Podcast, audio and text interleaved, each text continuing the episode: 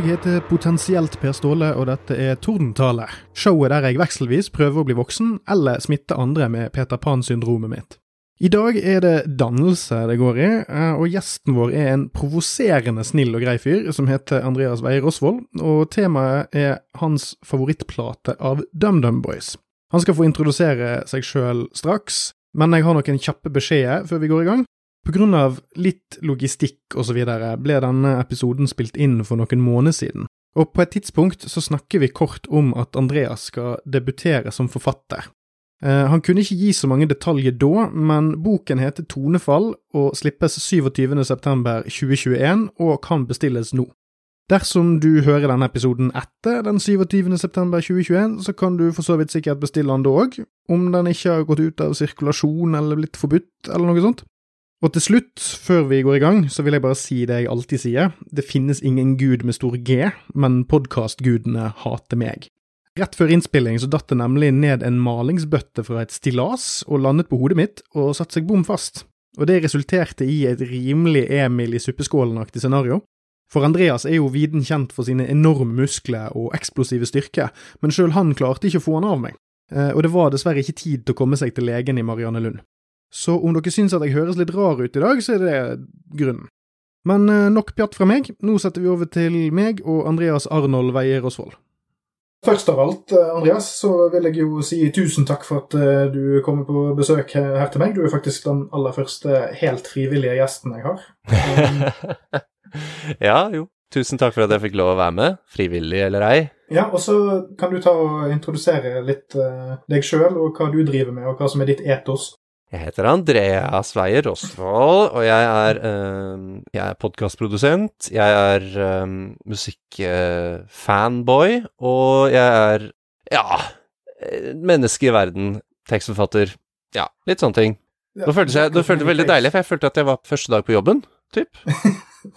ja, og så vil jeg gjerne nå, at etter at vi er ferdige nå, så kan du ta og skrape ut det rare som har begynt å gro nedi utslagsvasken her. Sorry, yes, sir. Sorry, yes, sir. Men du, du er jo òg eh, Du har hatt podkasten The Lone Hitman og mm -hmm. Svartelista. Og det ja. jeg syns er litt sånn interessant eh, med deg, Andreas, er jo at du er jo den, kanskje den koseligste fyren jeg kjenner.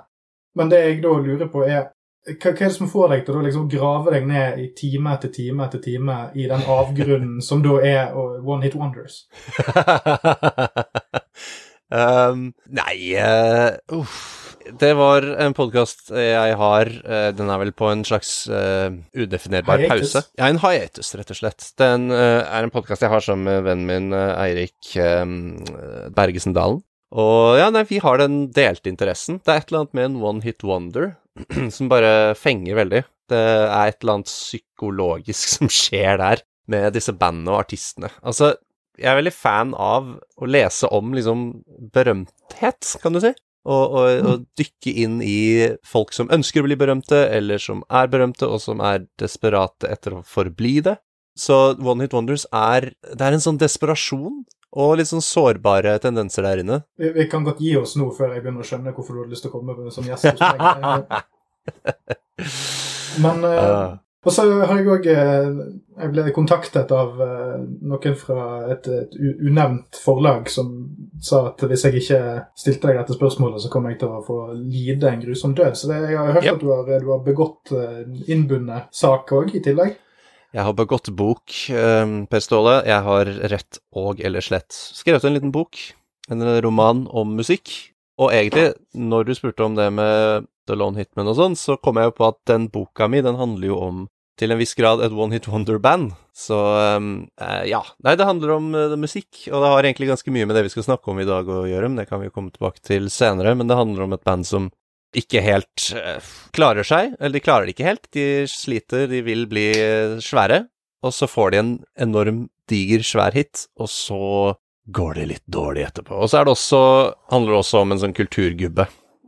Som har veldig lyst til å finne gnisten igjen, har liksom for lengst mistet gnisten. Uh, han er radiovert, radio-DJ, uh, eh, og klarer ikke helt å komme tilbake til den entusiasmen han hadde for musikk. Og så krysser deres veier, da, som i alle sånne gode uh, Det står bak på romaner, så står det alltid at deres veier krysses, og det må de jo.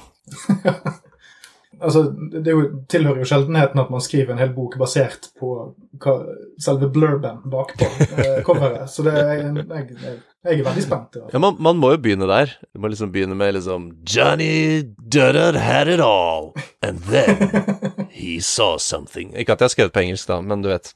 Det høres litt bedre ut når man sier det sånn. Sånn, sånn for, å, for å komme, oss, komme, oss, litt i gang her, da. Ja. For, vi er jo ikke her for å være koselig. Vi er nei. For å, oh, nei. At jeg skal lære noe. Eh, så jeg, jeg må, kan jo spørre deg litt sånn først, da, for å komme litt i gang her. For nå skal vi jo, Jeg liker alltid å si til lytterne mine at eh, for de av dere som ikke er så flinke til å lese, så eh, skal vi nå snakke om DumDum Boys og platen Transit. Og da lurte jeg, for at Du gikk veldig fort til DumDum Boys når vi drev og snakket om hva vi skulle snakke om. Og det jeg lurte på er, hva er ditt forhold til selve bandet, og hva var det som gjorde at denne platen var en sånn selvfølgelighet for deg? Uh, det Forholdet jeg har til DumDum Boys, det strekker seg egentlig tilbake til jeg var veldig liten. Uh, det er en av de barndomsminnene som jeg liker best. Det er at jeg gikk og hørte på en av låtene på denne plata, faktisk, som heter Bulldetektor. Og at jeg har et veldig spesielt forhold til den basslyden. og at mine foreldre pleier å si at jeg kalte den sangen for Hunter Dunt. Og hvis du har hørt den sangen eh, til lytterne dine, så er det liksom en sånn Dunter Dun, Hunter Dun-lyd. Så det begynte der. Min far har vært veldig fan av DumDum Boys. Eh, de var jo tidlig, min, min, Mine foreldre var tidlig i 20-årene da, da liksom Splitter Piene herjet landet, da. Så jeg plukket jo opp der, eh, via far spesielt, kanskje. Og så fulgte jeg det sporet selv, og bare fant ut at her var det så utrolig mye å hente for meg. Det er et eller annet med tekstene, de er veldig De er poetiske på en måte som ikke er veldig sånn eh, er, Jeg syns ikke de er så veldig pretensiøse, iallfall. Det hjelper jo sikkert at det er en veldig folkelig stemme som leverer tekstene, da. Um, mm. Og så er det Jeg syns det er nok dybde, men nok liksom hvermannspreg over det til at det klarer å treffe et eller annet for meg, da. Og så er det Det er mer enn bare et uh, liksom skranglete rockeband. Det er uh, De er et band som har vært veldig villige til å eksperimentere med liksom form og uttrykk, og de har vært villige til å liksom reise til andre siden av kloden for å uh, spille inn et album, liksom, selv om de synger på norsk. Det har ingen liksom, praktisk betydning å gjøre det, men det er sånne ting jeg liker, da. Et litt sånn overambisiøst band, kanskje, som ikke er så kine på å være, sitte stille i sin boks og gjøre det de egentlig kanskje gjør best, men å kanskje prøve å feile litt, og så hjelper det jo at jeg syns jo egentlig at de aller fleste platene, kanskje bortsett fra én, er veldig bra. Og også denne plata, da, Transit Nei, det var det, litt jeg nevnte i sted, at det er uh, Hunter Dunt, da. Og så er det et eller annet med den Jeg, jeg, jeg utviklet meg til å bli en ganske sånn uh, heavy rock-fyr, jeg også, i likhet med, med deg, Per Ståle. Så jeg har jeg vært veldig metal-fan. Jeg er jo egentlig like mye metal fortsatt. Og dette albumet er jo kanskje det DumDum Boys-albumet som slår fra seg hardest, da. Her er det jo mye å ta tak i og mye å bygge videre på, tror jeg, sånn når jeg ser glatt over eh, notatene mine her. Tanken som slo meg litt, er at DumDum Boys er det bandet som er på en måte stort i Norge, som jeg omtrent aldri har verken hørt eller sett, eller vært borti noen som har hatt lyst til å diskutere i min nærhet i sånn, de 20 årene jeg har gått rundt og kranglet med folk om musikk. Og det betyr, jo, det betyr jo bare at jeg kanskje har vært i litt feil miljø, og sånt, men det, også, det betyr òg at jeg har ingen formening om dem i det hele tatt. Nei. uh, før nå, altså jeg, jeg, har, jeg, har, en sånn shortlist med, med ting jeg vet om DumDum Boys, og det er av, av de mest åpenbare. sant? Så er det sånn Jeg har ikke Jeg har kanskje hørt et album én gang, men det husker jeg ikke, så da teller det ikke. Eh, og så har jeg hørt Bitter pine, selvfølgelig. Og så mm. Englefjes, fordi Pelle og Proffen, selvfølgelig. Yeah. Eh, alle nordmenn har jo sett den. Eh, og hvis du ikke har sett den, så er du faktisk ikke nordmann. Du, du har faktisk et ugyldig statsborgerskap. Selv om du er født der. og alt. Ja, ja, ja. Og så enhjørning. Eh, ja. Men jeg vil si at altså, Og enhjørning mener jeg at er den aller beste norskspråklige rockelåten jeg noensinne har hørt. Ah, okay. Sammen med Noen å hate av Raga Rockers. Det er de to rockelåtene jeg har hørt som på en måte passer best inn med mitt rare oppheng i hva som konstituerer eller er en, en rockelåt. Fordi jeg, jeg, merker at det er Jeg tror noe av blokken min for å f.eks. sette meg inn i norsk musikk Dette er jo et ledd av det. Jeg er veldig dårlig på norsk musikk. Eh, men noe av det er at jeg kanskje bruker eh, noen qualifiers som på en måte ikke funker på norsk så godt. Altså en slags sånn, et slags sånn råhetskrav som egentlig ikke fungerer verken på norsk språk eller på andre måter. Men da er det på en måte mm. den, den heavinessen der da, som, som jeg, jeg, verdsetter veldig. Og, men problemet mitt der er jo at f.eks. med Raga så er det sånn Jeg hørte noen å hate først. Og da har jeg ikke egentlig klart å høre på noe som helst av de etterpå, for ingen av de andre låtene er like tøff som den. Ja, men det er et problem, da. Jeg, jeg merker det selv med andre band. Ja, at det er sånn det er Å, shit, jeg hører en låt, og så er den liksom akkurat sånn jeg liker, og så er det egentlig eh, Det var liksom det de gjorde i den sjangeren, kan du si, da. Det, det er, jeg kommer ikke på noen gode eksempler, men jeg skjønner akkurat hva du mener. Jeg tror det er kommet til å bli en litt sånn rød tråd eh, med, med denne, når vi diskuterer denne platen. Jeg tror en del av de problemene jeg har. Eh, mm. Både det der med altså, sånn, Hjernen min er litt sånn one hit wonder-orientert. altså den, den, finner kanskje den beste tingen fra et band. Ja. Eh, og så vil jeg at resten av, av låtmaterialet skal matche den følelsen jeg fikk når jeg hørte den. eh, og, og, dette her med, med på en måte at, at, kanskje norsk rock opererer etter noen andre regler og tonearter enn det ja, La oss si engel, det man ville kalt engelskspråklig, da, eller mm. sånn, amerikansk eller britisk. eller eller sånt. Men nå har vi jo vært litt inne på, på Raga Rockers. for nå, Det første jeg tenker er jo Dersom alt har gått etter planen, så har jo første episode i denne serien vært uh, det fantastiske albumet til Metallica fra 2003 som heter St. Anger. Og Metallica er jo Bare vent og se. Uh, ja, ja det, det, gleder jeg meg til å høre, merker jeg. Jeg har, mye, jeg har, hatt, har hatt mye å si om det. For å si sånn. ja. Men da, da, er vi jo inne på de fire store. sant? Og uh, DumDum Boys er jo på en måte en av de, er jo en av de fire store i norsk rock, og da er det vel norskspråklig rock det er snakk om? eller så vil vel ja, det er jo det. Borger og sånt vært inkludert. Det er jo norsk rock i en veldig spesifikk periode. Det er, det er liksom Det er disse bandene som Ja, det er jo da hvis ikke jeg spoiler noe for uh, altså Hvis ikke du hadde veldig lyst til å si dette selv, så er jo det da Raga Rockers, DumDum Boys, De Lillos og Jokke.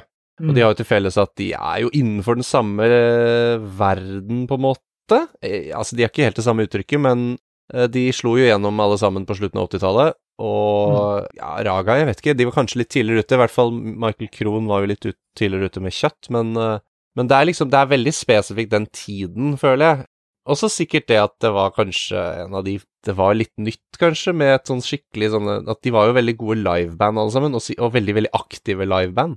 Så det kan ha bidratt til For det jeg føler er en av de tingene som hele tiden blir nevnt som DumDum Boys, og kanskje spesielt DumDum Boys, som jeg husker, da, men nå er jeg veldig begravet i DumDum Boys-verden da jeg vokste opp, på, men det er jo at de blir alltid kalt liksom Norges beste liveband. Og så kan man jo diskutere om det stemmer, selvfølgelig, jeg syns de er veldig bra, men uh, det har liksom hengt på dem, da som en sånn greie. Og jeg tror liksom at live-aspektet er veldig viktig på å definere dette med de fire store, uten at jeg kan liksom mm. påpeke helt om det stemmer. Jeg, jeg, jeg, kan ikke egentlig bestride det så veldig altså, sant, får ikke, Man får ikke sjekket ut Jokke lenger av åpenbare grunner. Man kan jo se Valen Tourettes og sånt, da, men uh, ja. ikke helt det samme. Nei. Uh, altså, Jokke er jo mer en slags sånn solo-dude med, med, et heftig backup-band, har jeg alltid hatt inntrykk av. Selv om bandet har gjort mye, så er det på en måte der mm. fokuset var én dude. på en måte. Uh, og det er det vel egentlig litt i De Lillos òg. Ja, jeg skulle til å si at det er egentlig, egentlig så er De Lillos Det har jeg ikke tenkt på før nå, men, men Lars Lillo gjør jo på en måte egentlig alt mens ja, Jokke var jo Ja, det var liksom Jokke og Jokke, altså Jokke og Valentinerne, Jokke med Tourettes. Altså Der var det et mer personfokus, selv om som du sier, de bandene de gjorde jo veldig mye av drajobben. Og jeg vil jo si at hvis man har sjansen, ikke nå selvfølgelig, for nå er det jo fortsatt pandemi, men hvis man har sjansen til å se Valen Tourettes, og man liker musikken til Jokke, så er det veldig bra. Eh, det er veldig gøy, og de tar det veldig sånn på alvor. Eller den alvoren Jokke bør tas på, da. Og så har jeg, jeg har faktisk hatt gleden av å varme opp for Valen Tourettes. Med Bear Valley? Ja, og det var en av de hyggeligste konsertopplevelsene. Det var veldig trivelige folk. Jeg kan jo bare fortelle en veldig kort anekdote der som jeg syns er veldig sånn symptomatisk for den gjengen, da. og det er det at uh, vi var på et lite Vi skulle spille på et ganske lite sted som heter Musikkflekken i Sandvika, der jeg er fra. Og skulle vi varme opp for dem, og så fikk vi egentlig beskjed av jeg var promotøren eller noe sånt som var veldig sånn Ja, dere må egentlig finne deres eget backstage, dere må ha et helt separat backstage. Og vi bare eh, Ok, greit, det er helt greit. um, og så var det sånn Å, faen, det backstage er så, er så, Det var så trangt, det var et eller annet sånn, da, så, så vi bare spurte sånn Er du sikker på at vi ikke kan sitte her litt, liksom? Uh, og de bare ah, ja, dere kan jo spørre Eller jeg kan jo spørre for dere. Og hun var veldig sånn Åh. Og så gikk de og spurte en av dem, jeg tror det var uh, Petter Pogo, som spilte vel bass for, uh, for Jokke. Ja, ja, selvfølgelig, kom inn. Og da fikk vi liksom, da fikk vi være med inn, og vi fikk spise snacks og drikke øl med, med dem, og det var bare utrolig koselig, og de endte jo opp med å låne utstyret vårt og sånn.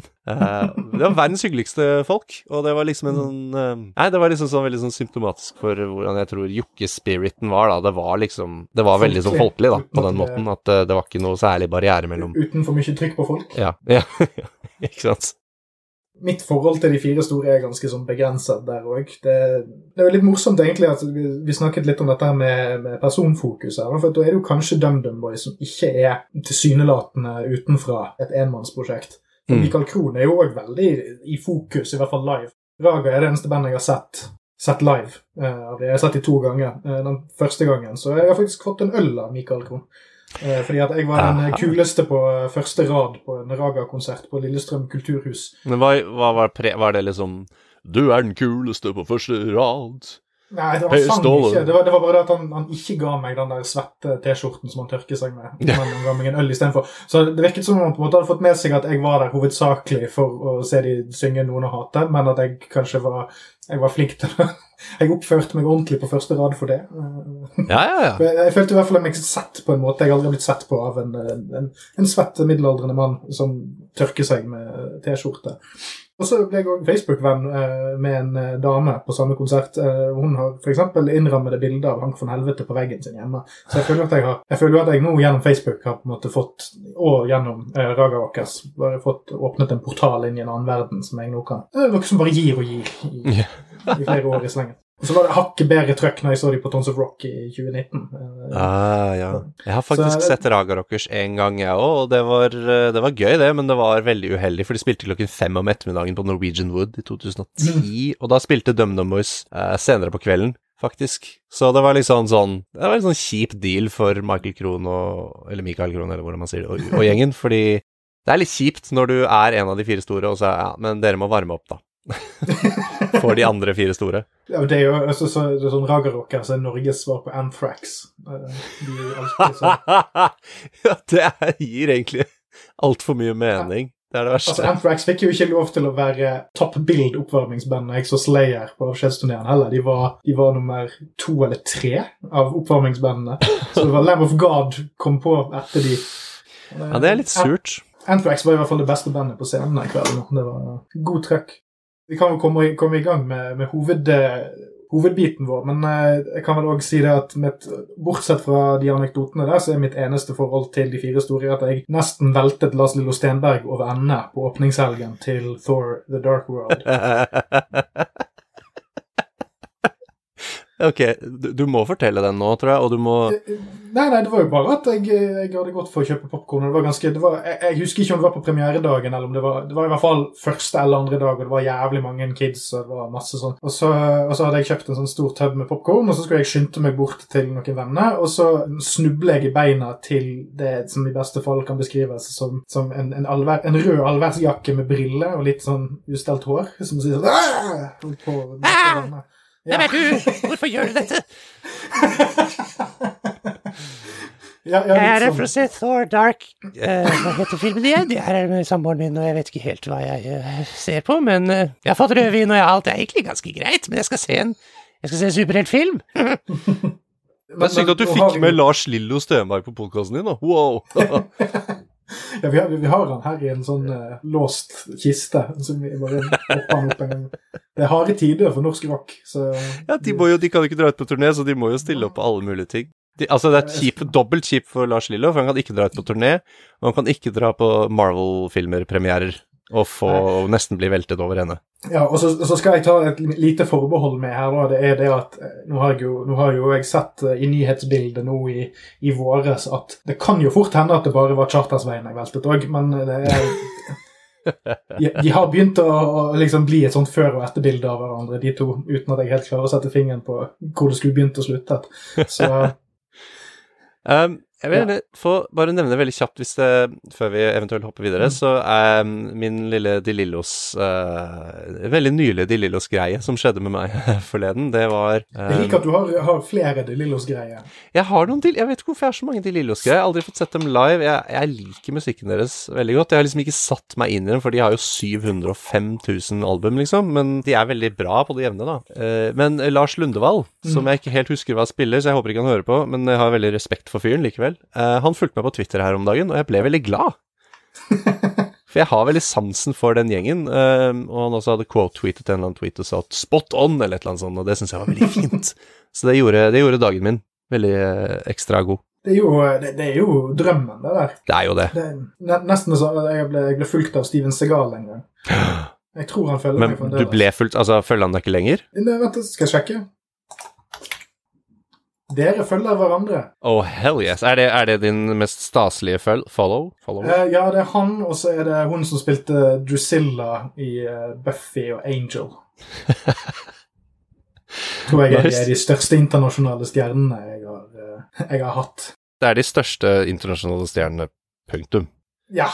Jeg vil også bare påpeke at eh, Lars Lundevall spiller jo da gitar, eh, og så har han bilde av eh, Donald som uh, avatar på Twitter, og det syns jeg også er søtt og sjarmerende. Og veldig norsk, ikke minst. Veldig norsk. Big ups. Ok, men da Først vil jeg jo si tusen hjertelig takk for at du velsignet meg med nok et album som er under 40 minutter. Det er ti jævla sanger på 36,5 minutter. Og, og, og Maren eh, Fuxia Celius Blix, eh, den eh, tredje, hun har jo nå traumatisert meg for all videre podkastinnspilling. Med den sinnssyke 13 låter, 56 minutters Holy Bible-platen om Pocket Ball. Så Ja, um, tusen takk. Jo, nei, fordi jeg, jeg mener at 40 minutter uh, er egentlig det perfekte albumlengden, og det her er jo ganske nærme.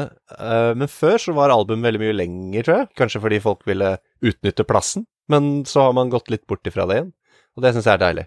40 minutter er liksom Det er Ja, men det er, jo, det er jo det som er den effektive. Altså det, er jo, det er jo noe med den vinylspilletiden. Den kan, tror jeg, nå tynes til nesten timen. Men Mm. veldig lenge så var det sånn at hvis du skulle ha en singelvinyl, så- eller altså én plate, så var det plass til 22 minutter på hver side. Eller 22 minutter og en halv.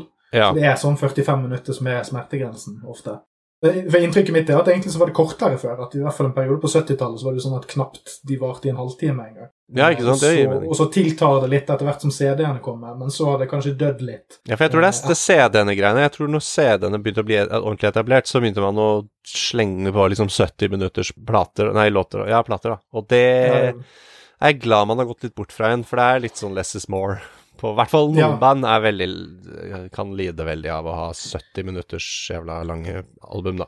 Jeg, jeg, jeg er fan av noen sånne tyske metal-band som altså det er sånn Nei, men det, det er sånn at hvis, du, hvis det er sånn at man vet at de aldri kommer til å levere noe over et visst nivå, men at det bare er snakk om sånn jevn output av fem minutters bangers, på en måte, Mm. eh, så, så kan jeg tåle at et album varer veldig lenge hvis det er veldig monotont. Men Ja, hvis, det er, hvis jeg får inntrykk av at her prøver artisten å si noe, så blir jeg fort litt irritert hvis det varer over, hvis det varer over 45 minutter. Men eh, jeg tenker vi kan jo, sånn For å komme oss inn i DumDum Boys-materien her, da, så er det du, snakket litt om det der at de var eh, At de aldri har vært redde for å eksperimentere og sånt. Og det var en av de tingene som slo meg etter hvert som jeg hørte gjennom platen et par ganger. For eh, Ofte så er det sånn at jeg hører gjennom disse tingene med et halvt øre, sånn to-tre ganger. At jeg bare spiller det i stuen, eller spiller det når jeg kjører, eller ja, sånn, uten å egentlig høres veldig etter, men bare for å få det inn i, det inn i kroppen. Eh, Så jeg la ikke egentlig merke til noen av de tingene jeg har lyst til å snakke om før etter to, tre, fire, fem, seks eh, ganger. Men da er det det at jeg begynte å plukke opp at det er en del sånne country western-elementer her, spesielt på tittelsporet og sånt. Og så fikk det meg da til å lure på er det sånn at dette her er en transisjonell plate. Er det, er det sånn at bandet signaliserer et eller annet med tittelen sin og med dette litt sånn weirde ja, sjangerleken som dukker opp etter hvert? Er det, er det noe der, eller er det egentlig bare par for the course på denne perioden i bandet?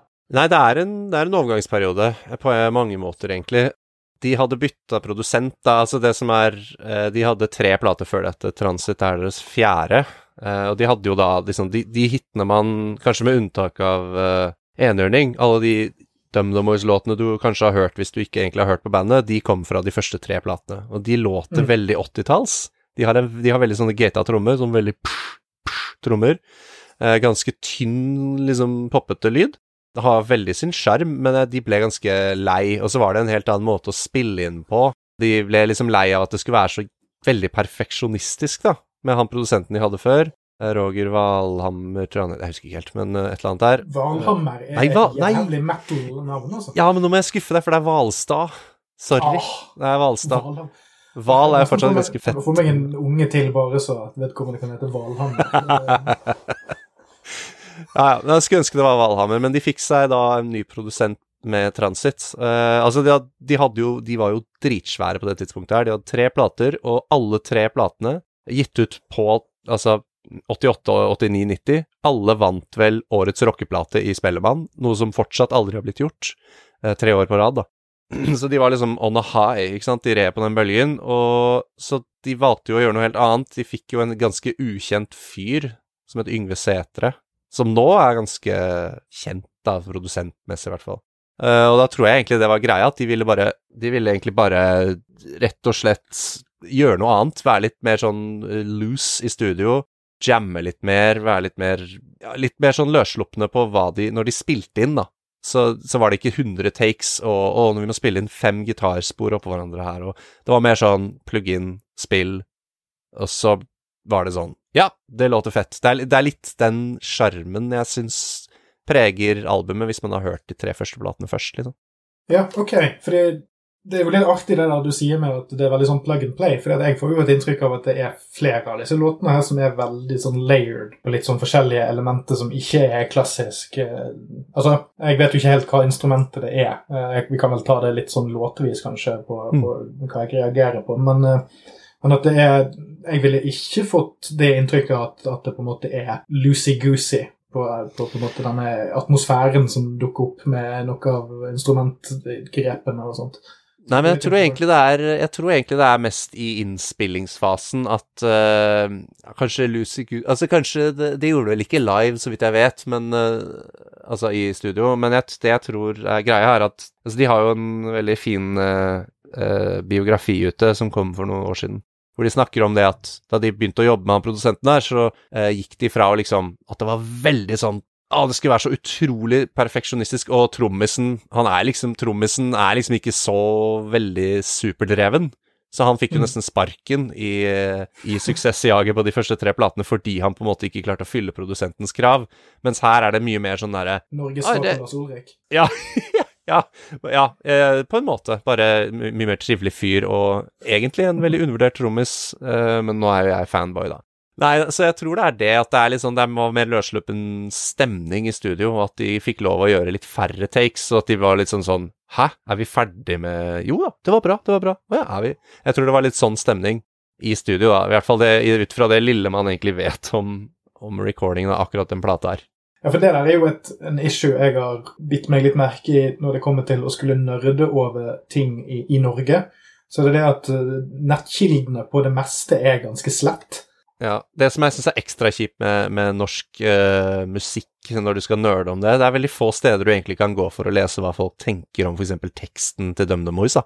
Mm. Eller, eller Det blir liksom Det finnes noe forum, kanskje, der ute. Altså, Jeg husker jeg hang på et forum og liksom posta litt og sånn, men det, det gir deg ikke det samme. Altså, Du kan ikke lese side opp og side ned med bare diskusjoner om den og den låta. Det er mye mindre. Så jeg er helt Det er vanskelig, som du sier, det er vanskelig å nerde om med norske ting. Ting på norsk, da. Ja, altså så, og så har vi ikke nok aktive internettnerder til å få fylt opp sånne svære sånne fanwikier og sånne Nei. absurde påstander om eh, hvem sin bestemor som betalte for innspillingen av den første bootleg-demoen. Altså det, alt, alt det der kjøttet der får vi liksom ikke inn.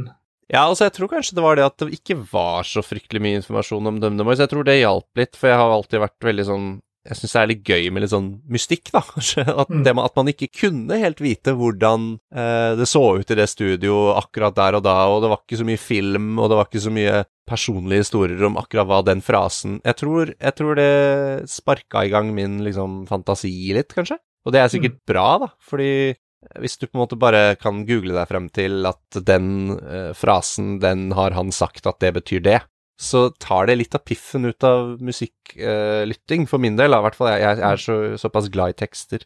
Jeg er såpass opptatt Ja. av tekster som jeg er. Så, da, så, det, så for meg så er, det, er nok det en faktor som bare har hjulpet med DumDum Boys. Erfaringsmessig, nå, nå sier jeg dette som en mann som har en god del Kiss-bøker i bokhyllen, men tre av de er faktisk skrevet av fans, så det er ikke liksom offisielle utgivelser fra denne.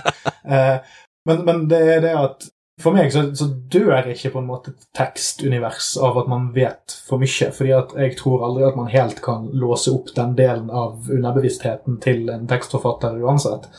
Så, og så spørs det jo litt hva du mener magien er. da. Altså Hvis det er sånn at du har lest noe som en fin kjærlighetstekst, og så får du vite at nei, det handlet om hemoroidebehandling, eller et eller annet sånt, så dreper jo det litt. Men så fremt ikke kunstneren sjøl har, altså, så, så lenge den som skriver tekstene, ikke liksom utleverer seg ekstremt mye, så, jeg så føler ikke jeg at det liksom dør så veldig fort. da. Jeg hadde, hadde en uh, liten Det er litt sånn artig dette med tekstene. For jeg har jo jeg har ikke fått liksom tekstanalysert så e- ekstremt. Det er sånn Norsklæreren min på videregående ville vært veldig skuffet. Men, men uh, jeg har prøvd å lese tekstene litt til hver låt. Uh, Men så det er liksom den eneste researchen jeg gjør før disse episodene, er tekstlesing. Og så prøver jeg å finne kilder som ikke spoiler ting for meg. Og så var det sånn at siden igjen, det er norskt, det er litt vanskelig å finne gode gjengivelser av tekst når du ikke eier platene. Så altså, det jeg fant rundt omkring på nettet, var det jeg da gjerne vil kalle sånn lyttet med et halvt øre-teksting. Uh, I Ja. full capslock. Uh, som er, man finner igjen uh, sånn, Gjerne hvis du, hvis du skal lese tekster av litt sånn obskure østblokk metal-band som er ja, Tekstene er gjengitt av noen som eh, ikke kommer fra samme kontinent eller deler samme, samme ord, språkgruppe engang. sant? Eh, og jeg, jeg syntes at det var litt sånn med DumDum Boys-tekstene. Jeg prøvde å finne det ut nå. Det var sånn, Alt var i caps lock, og så var ord stavet litt sånn rart. Og så, og så fant jeg igjen Det var akkurat den samme, de samme feilene på flere sider. Så var jeg sånn Hva faen? Og så til slutt til slutt så klarer jeg å komme meg fram til hjemmesiden til Ja. DumDum Boys, og der er det helt likt! Vet du hva, det er, det er faktisk noe jeg har tenkt på selv. De, de Jeg vet ikke hva de driver med, men ja, det er faktisk akkurat det problemet som de har. Altså Hvis du går på den offisielle DumDum Boys-siden, og du går på tekstene Én, jeg tror ikke alle tekstene er der engang. Jeg tror ikke de nyeste, den nyeste plata er ikke sikkert den nyeste plata er oppe der engang. Den siste oppdateringen var 2019. Ja, ikke sant. Og de Men uh, det er liksom Ja, jeg tror de har eh, Det, det er en stavfeil og det er en del greier, men eh, et, ja, jeg tror tekstene skal være sånn innholdsmessig riktig, hvis, jeg, hvis jeg husker riktig, da. Ja, for det er, noe med, det er noe med måten det er lagt opp der som gjør at jeg blir sånn mildt sagt stresset av å lese tekstene samtidig som jeg, som jeg hører på. Sånn at det blir faktisk vanskeligere å bedømme hva det handler om. eller- Så om det er en sånn, sånn psych-out-manøver fra, fra Ja, jeg tror, for altså, liksom det- at Det kan være det her. Altså, det, det er veldig sånn trusselbrev Altså mottar trusselbrev i, i posten-aktig font og store bokstaver og sånt. Det er veldig sånn, så man blir litt Jeg skjønner at man blir litt sånn unsettled Ja, det er sånn- tekstene. Det er sånn grafisk design by Laila Bertheussen-type. Ja, det er bra hun har noe å drive med, da, i det minste. Kanskje det er det som er tiltaket bak murene. Men, men så, så var det jo det at eh, jeg syns litt sånn interessant det du sa med, med på en måte at, at det var bedre produsert. Det var bedre lyd på denne platen enn på de forrige tre. Mm. Ja, for det, det er òg et sånt tegn på at jeg begynner å bli gammel, eller i hvert fall eldre enn jeg var. For at jeg blir så jeg blir så jævlig sånn obsessive compulsive på Hører jeg den originale versjonen nå? Mm. Eh, så jeg ser jo at den på Spotify er jo en remaster fra 2015. Så det jeg bare lurer Spesielt, du har jo nevnt basslyden. eh, at det var noe du reagerte på fra barnsbeina av og sånt. Eh, og det er òg noe av det jeg har dratt ut fra denne her. Og det er ikke nødvendigvis bare produksjon, det er noe med selve Altså selve tuningen og, og kabinettet de bruker og litt sånne ting, men at den er ganske chunky. Og da lurte jeg på, vet du om den her er vesentlig endret på fra sånn som du husker det fra før av, den remasteren, eller er det sånn, føler du at det er en ganske grei sånn gjengivelse av hvordan det var? Eh, ja, jeg tror hmm, Det er et veldig, veldig godt spørsmål. Jeg tror egentlig ikke det er fucka så mye med den plata, hvis jeg skal huske riktig. Jeg tror det, det, jeg, husker, det jeg kan si helt sikkert, er liksom uh, For jeg husker også den remasteringen, og husker at jeg bare ble veldig glad da den kom, fordi den første plata deres, som er veldig bra, Blodig alvor heter den, eh, den er så papirtynn uh, i den Mm. originale lyden. Det er veldig sånn Det er veldig, høres veldig billig ut, men den ble beefa litt opp. Men jeg har ikke tenkt noe på om Transit låter noe annerledes, faktisk, skal jeg være helt ærlig. Jeg er ikke så dreven på det der at jeg kan peke ut forskjellene, men jeg tror ikke det er den som var liksom det, det viktigste elementet når de skulle remastre katalogen sin, da. Nei, for det, altså, det, det er ikke så jævla viktig for meg heller, men jeg har bare et par ganger i det siste begynt å legge merke til sånne tilfeller. Et par tilfeller der jeg har merket at man har ødelagt opplevelsen med å gjøre det. Ja, Eh, Så det er sånn, i noen tilfeller så kan du ha vesentlig forringet eh, opplevelsen til en viss grad. absolutt. Eh, Men har du noe du har lyst til å ta opp sånn først, eller vil du at eh, altså sånn, Er det noe umiddelbart på en måte med denne platen som du vil trekke fram? Du har trukket fram eh, Bull Detector. Jeg kan si noe over, liksom sånn overhengende først, eh, Ja. som er kanskje et litt sånn der kontroversielt statement eh, på en måte. Det er at jeg, jeg kan nevne veldig få plater hvor jeg mener at Og her vet jeg at du og jeg sikkert kommer til å være uenige, og jeg vet at jeg vet ikke om det er noen andre som ville vært enig med meg i dette her, men Og det er jo grunnen til at jeg valgte denne plata her, er at jeg For meg er egentlig hver eneste Dette er et perfekt album for meg. Dette er, det er ikke et eneste svakt spor. Det er ikke et eneste svakt sekund for meg. Jeg vet at det ikke treffer alle, men det er derfor jeg har jeg har- Det er sikkert også fordi jeg har tett forhold til dette fra barndommen av, men for meg så er det få plater i verden hvor jeg kan si at alle sporene på en måte er 100% Men her kan jeg faktisk si det. At jeg liksom er Jeg ville ikke endret en ett sekund. Det er jo en ganske tøff påstand, for så vidt. Eh, Vi kan jo kanskje komme tilbake til akkurat den helt til slutt. da. Jeg er har veldig lyst modig. liksom- Jeg har lyst til å bury my lead. Nei, sånn, sånn For min egen del, jeg kan faktisk off the top of my head ikke komme på ett album jeg faktisk ville satt Jo, jo. Hvilket? Hvilket? Uh, Painkiller og Judas Priest.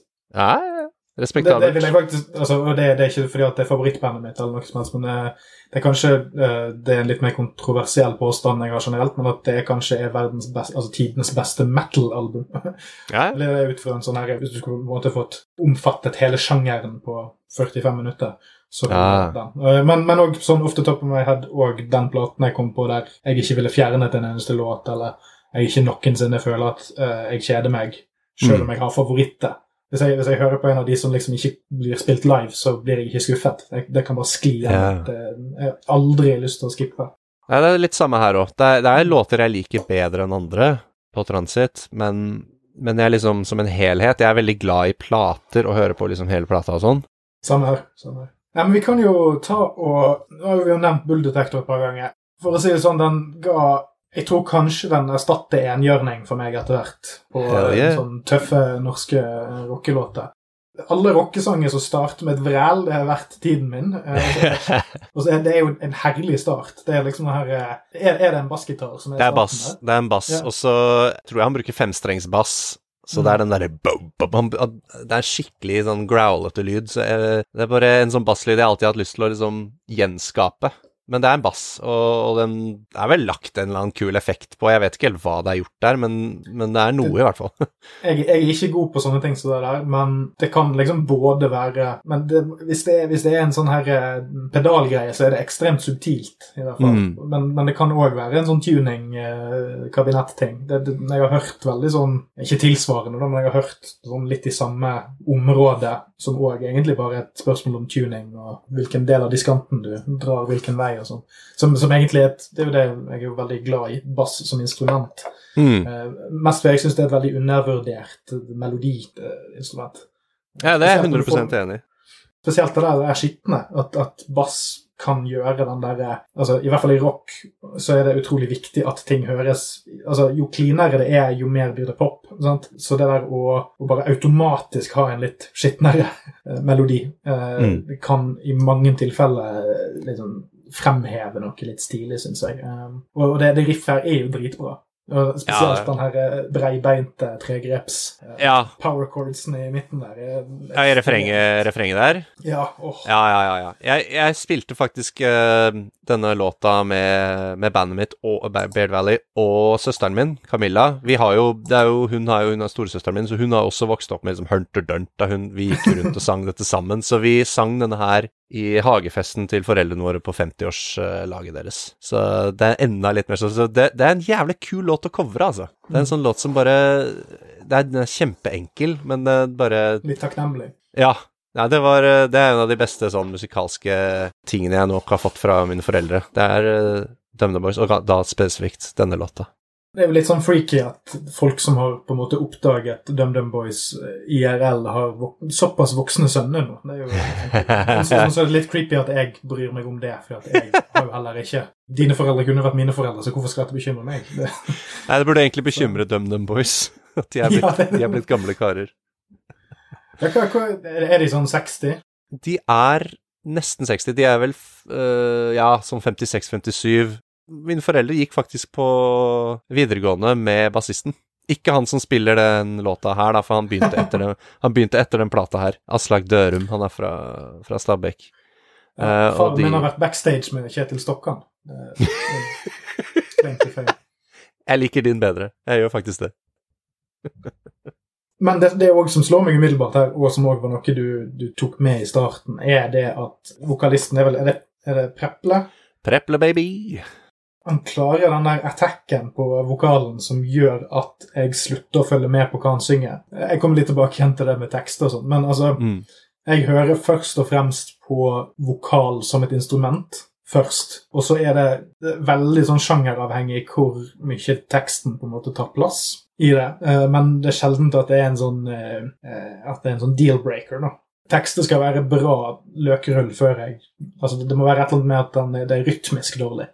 Ja, men det er jeg egentlig enig i. Selv om jeg setter mye eh, i en tekst, så er jeg helt enig i at det kan være ganske dust i huet før jeg syns det er dårlig. Men det, jeg syns det er synd. Jeg syns liksom det er mer som et sånn bortkastet potensial. Hvis et band har jævlig dårlige tekster, men dritbra vokalmelodier, da, for eksempel, mm. så syns jeg alltid det er sånn derre What could have been, ikke sant? Det, så når, når, et band har for eksempel begge deler, så åpenbart blir det liksom en, Da blir teksten enda viktigere, da.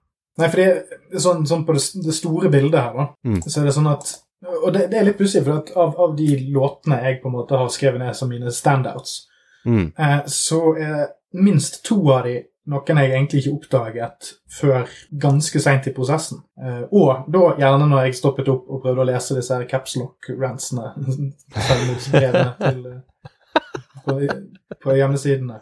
Uh, og det har egentlig ingenting med hva jeg fikk ut av teksten å gjøre, for jeg har egentlig ikke klart å få noe Altså, jeg har fått litt ut av det, men altså, jeg har ikke Det er spesielt Villere enn Vesten og Hint, hint. Mm. Og, og, så er det Bulldetektor, og så er det Amen. Eller Amen. Mm. Amen. Amen. Uh, amen. Amen. Det er de som jeg syns er standouts. Det gir mening. Men, men, men, samtidig så er det òg sånn at jeg nå når jeg ser over over hele greien her, så er det den eneste jeg Altså sånn, den eneste som liksom er helt tom for meg, er Store intet, men sjøl der så har jeg denne mm. backmaskingen notert, så det Backmasking, hva mener du med det da? Eller jeg vet ikke Nei, fordi i Store intet nå, Det er jo litt av det der westernpreget jeg eh, ja, ja, ja. to, tre, minst tre låter som har en eller annen slags variasjon av country. Uh, mm. uh, men, men i, i, teksten så står det noe baklengs. Å oh, ja, backmasking, ja, selvfølgelig. Ja, du har rett. Det er bare Det er bare det at eh, når han synger er, eh, er, hvor enn vi er', eller 'det store intet er hvor enn vi er', men ja. den linjen er baklengs. Så, så, så sjøl der er det noe litt sånn man biter seg litt merke i, da. Sjøl på den ja. jeg egentlig ikke har bitt meg merke i. så Ja, men jeg kan skjønne det. Det er kanskje den mest sånn sangen som bare er der, sånn sett utenfra, eller hvis man ikke er liksom veldig dypt ja, i albumet, så ja, ja, men det var, den, det var nok den siste låta jeg kicka på eh, sånn ordentlig. Den og. Solide saker, som jeg nå syns er en helt fantastisk en. Men uh, de to var kanskje mest sånn bare der i starten, da jeg liksom virkelig mm. dykket inn i albumet som tenåring, da. Mm. Ja, for det, det solide saker det er, det er en litt sånn grower, den òg. Det som kicket på den veldig tidlig for meg, er den 50-tallspiano-soloen i midten der, som bare kommer litt ut av ingen sted, så, så ja, ja. Gjør, gjør, seg ferdig kanskje et minutt for tidlig vi, vi kan, Jeg kan kanskje komme litt tilbake til den hvis vi snakker om Armen uh, etterpå, men altså den, jeg syns de to passer litt sammen uh, på en mm. stilig måte. Men, men så, så, er det sånn, sjøl de som ikke er de låtene jeg har bitt meg aller mest merke i, så er det jo altså sånn Levende lys, eller som jeg velger å kalle han, en grilldress av Krum. Fordi at, det jeg hører, det er vel at han synger en ny dress av Krum. Er det det han synger? En grilldress Ja, ny dress av krum, men en grilldress ja. av krum er uh...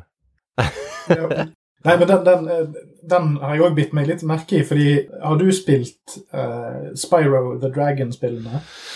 Uh, Liksom, vært innom det så PlayStation rundt Ja, nei, samboeren min Ja. er veldig glad i dem, men uh, har egentlig aldri spilt så mye selv. Litt, litt kanskje. Nei, fordi Levende lys den har en sånn herre Den, gitarbiten der du-du-dun-dun-du Uh, biten der. Og så Det går litt sånn i loop, eh, og det minner meg ekstremt om musikken i Spyro. Og Det, det er da de, de til PlayStation 1. da. Eh, og det er spesifikt de, eh, de brettene som er sånn hoverworlds, der du kan velge hvilke andre brett du skal til. og sånn. Det er ofte en litt sånn leken og lett sånn synt-piano-loop, som Mm. minner veldig om dette. her da. Eh, og, og gjerne sånne tutorials-brett, altså de litt sånn lette brettene før du kommer til de litt vanskeligere greiene. Eh, men, men det var grunnen til at jeg nevner det, er fordi at eh, musikken i de spillene er lagd av Stuart Copeland, som er trommis, eller var trommis i The Police. ah, ja, Så, jeg, ok. så jeg lurte på om det kanskje er om du visste om det er noe connection der? Om det er noen som er fans av eh, The Police? Ja, jeg tror de er det. Altså Han som skriver låtene, eller i hvert fall som skrev alle låtene da, eh, Kjartan Kristiansen, gitaristen, han kan jeg godt se for meg eh, fan av The Police. Han har en ganske greit bred musikksmak. Så jeg prøver å tenke om han har nevnt eh, The Police, men det, de var jo gamle new wavere, uh, DumDum Mm. Boys. Så det gir veldig mening at de var fan av The Police på liksom den tiden nå. Um, så ja, det er ikke ja, Det er en liten connection der. Jeg regner jo kanskje med at denne plata kom i 92, så kanskje den kom før det Spyro-spillet. Det, det er det jo, men altså, jeg tenker jo kanskje at jeg vet jo ingenting om The Police heller, så jeg vet ikke hvordan disse tingene her eh, Om det er noe med altså, hvordan låtskriverne der opererer, eller Jeg tror Sting gjorde mye av, tok mye av æren, iallfall. Eh, hvis, okay. man- hvis jeg skal tippe. Eh, hvis jeg husker riktig. Ja, men, men det er noe med, det er for så vidt noe med riffene generelt på denne platen som uh, flytter meg litt dit. da. Men det, jo, det kan jo definitivt være en sånn her, uh, mer et, et spørsmål om uh, Ikke sjanger engang, men altså at man bare er i litt samme headspace. Mm. Men jeg, jeg liker òg altså av alle Det, det er noen ganger jeg, jeg har valgt ut noen sånne tekstbiter her, og det jeg liker veldig godt bare linjen 'tøffe odds i jojoland'.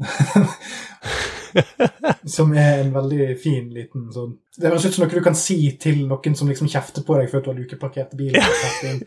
Ja, faktisk, det er flere av disse eh, tekstfrasene jeg Jeg må si at i hvert fall Det er så spesielt, det albumet her, fordi det er kanskje det albumet som Kanskje på hvert fall hvis man før man dykker litt dypt inn i det, som henger liksom minst sammen tekstmessig.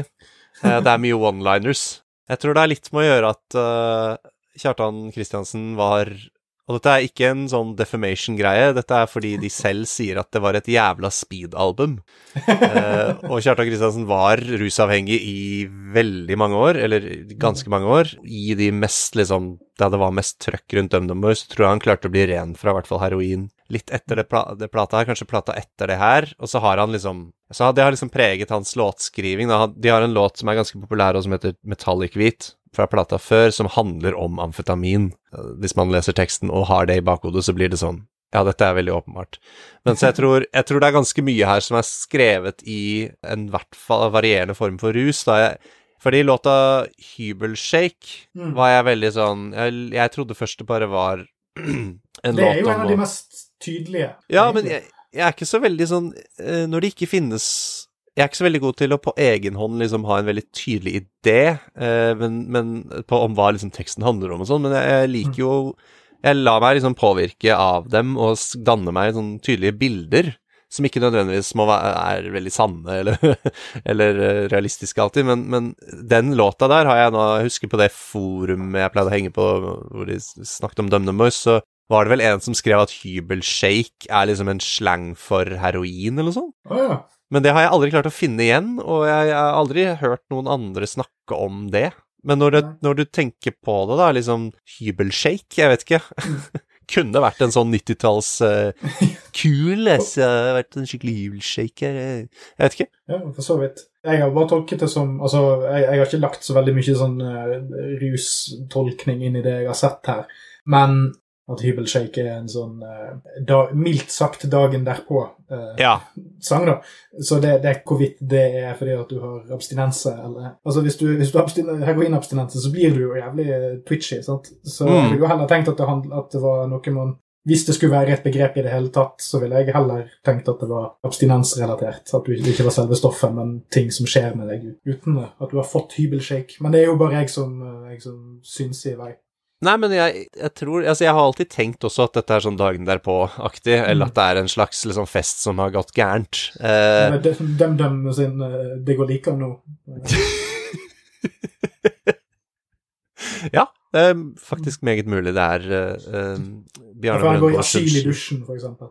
Ja, ja, ja. Ikke sant? Satt på skåla. Det er mye likheter her, kanskje. Men ja, jeg, det er et eller annet eh, som preger denne, dette albumet her. Når jeg hører på det og liksom leser teksten og sånn, så føler jeg veldig på at det er skrevet av en mann som er litt ute. Hint, hint, en av mine Du nevnte det som en standout. Det er definitivt en av mine favoritter her. En låt jeg tror de har spilt live, men aldri, jeg har aldri fått sett dem, og det er liksom på toppen av lista mi over låter jeg skulle gjerne sett live. En helt utrolig, utrolig, utrolig kul låt som handler jo om å bare være så deprimert at det nesten ikke går mer, virker det som, i hvert fall. Um, jeg tror de til og med sa det en gang før de skulle spille den live. Uh, igjen, informasjon fra forum, dette er veldig nerding, da, men uh, hvor han da sa at det var en låt om å ha det maks jævlig. Og da med, jeg vet ikke, jeg, tekstfraser som um, blir de neste 24 som de siste, så bye bye. Det blir jo ikke noe tydeligere enn det. Hint, hint, ikke snakk om noe koseprat. Hint, hint, ikke sjans for noe hva da i hele tatt. Hint, hint, her kommer det med teskje. Hint, hint, hvis de blir de neste 24 som de siste, så bye bye. Det er ganske mørkt. Det der tror jeg er et sånt eksempel på hvordan Altså, jeg er veldig fremmedgjort av disse tekstene generelt. Jeg har sittet og lest den der flere ganger, og jeg har ikke fått hentet ut nesten noe som helst eh, informasjon av det. Det er litt morsomt. Det, jeg vet ikke om, om det sier noe om meg som lytter, eller, eller om det sier noe om hvilken type band det er jeg har hatt gjester til å snakke om, men det er det samme som med eh, Manic Street Preachers, litt, at det er noe med dissonansen mellom vokalen og innholdet i teksten. Mm. Og og, da igjen at teksten er faktisk skrevet av noen andre enn den som synger.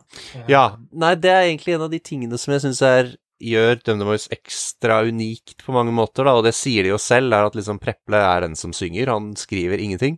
Og han er en veldig streng redaktør, da, visstnok. Sånn at han, han nekter å synge noe han ikke har føling på. Han, han blir jo kalt av bandet et slags bullshit-filter. eh, som liksom 'Jeg kan ikke synge herran', ikke sant? Det, det er han ganske tydelig på. Kan ikke synge det her, det, det kan han ikke. Så da er det sånn, ok, da må han gå tilbake, da må Kjartan gå tilbake til tegnebrettet. Kjartan Kristiansen er jo da gitaristen, så uh, Og det tror jeg er sunt for et band, å ikke ha liksom én person som gjør alt, for da får du det bullshit-filteret, da. Mm. At du liksom, du må gjennom han, Nei, for- eller hun. Ja, for det, altså, det, det er ikke sånn at jeg mener at han nødvendigvis Altså, jeg syns definitivt at han kommuniserer noe. Jeg bare vet ikke om jeg plukker opp Altså, det er sånn Mm. Den dissonansen jeg merker, er det et eller annet med Han har så mye attitude som gjør at spesielt det å Og så så er det jo da noe med det som kanskje noe med at de er veldig uh, rusete, disse tekstene òg. Mm. Og at jeg har lest de i capslock uten avstand. og sånt. Så, sånn sett så har det jo sikkert kanskje òg vært med til å bidra til opplevelsen av hvordan det kanskje var for han å skrive disse tekstene. Vet, sånn det, det, at, at det på en måte er en sånn sperre som gjør at det, der blir liksom tolkningsrommet mitt litt begrenset. da. Men samtidig syns jeg det er mer enn nok kjøtt på beinet her, f.eks. i det der at det er en låt som ikke nødvendigvis trenger substans for meg, eh, altså av, av den arten, for å faktisk være en god låt. Mm. Um, Det er bare nok med altså det å ha aks aksentuerende frase som, som driver. Altså det at vokalen er et instrument. At det er f.eks. hint, hint, ikke noe. Det er sånn Mm. Jeg syns det er et veldig godt poeng, det at på en måte det, ja, eh, det er egentlig På overflaten så er det Trenger det ikke å handle om noe. Det er egentlig, Jeg syns det er liksom en av de styrkene da, til bandet, at eh, han selger det. Jeg syns det er litt sånn kult å tenke på at du kan egentlig stå der og synge på en eller annen sånn festival langt ute liksom på bygda, hvor det er liksom 5000 stykker som står og jubler og egentlig bare er klar for å danse og hoppe, og så synger du om speed, eller du synger om dyp depresjon, eller eh, bare avhengighet, eller rett og slett å være verdens kåteste mann, som eh, flere av tekstene til dette bandet handler om. Jeg syns det er noe veldig fett i å ha den driven foran, som egentlig bare kan nesten oversette dette liksom merkelige uttrykket til et sånt Gjør det liksom allemannseie, da. Uten Preple, da, så hadde jo ikke dette bandet vært kommet Det hadde vært et band med jævlig bra tekster og jævlig bra riffing og komp, liksom. Men eh, de hadde aldri slått an. Det, det kan jeg si med 99% sikkerhet. Jeg tror, jeg tror det bandet hadde liksom kaputt på eh, liksom, ja. Første forsøk hadde de krasja. Det, det hadde ikke gått uten han. Det er sånn som jeg generelt er Altså, jeg er enig med det her, men jeg er også generelt bare enig i den, det sentimentet nesten uansett hva band jeg liker. Det er veldig få band som tåler den overgangen på å bytte, bytte vokalister, f.eks. Ja. Hvis, hvis det først har begynt å fenge med en vokalist, så er det et eller annet som skjer når du bytter ut. Altså, jeg mener, altså Man kan gjøre det, men det er, det er kanskje nesten litt urettmessig stor plass som vokalisten noen ganger får, fordi at det er noe med det tolkningsrommet, og at stemmen er det mest menneskelige biten i et rockeband. Så sånn fans og kritikere og sånt, det er det vi låser oss mest fast i. Eh, Og så bruker vi mye mer tid på å grave oss ned i instrumentene og tekstene og sånt. Hmm. Så, så han, er, han er jævlig god på det umiddelbare der. Og så, så er det vel kanskje det at, at jeg ikke Altså, dette med at han, han er såpass breibeint av seg at når han høres Altså når han synger depressive tekster, så er ikke det noe du merker det på stemningen på låten. Nei. Eh, med mindre det er en downtunet, altså litt sånn rolig låt. Eh, så Ja. det, det er jo en sjangerting. Ja, det er nettopp det. Jeg, jeg syns det er noe Jeg syns bare det er veldig fint. Jeg liker sånne band da, og artister hvor eh, du kan oversette den type liksom ganske Ganske mørke menneskelige følelser, da, eh, Mm. til noe som blir liksom livsbejaende.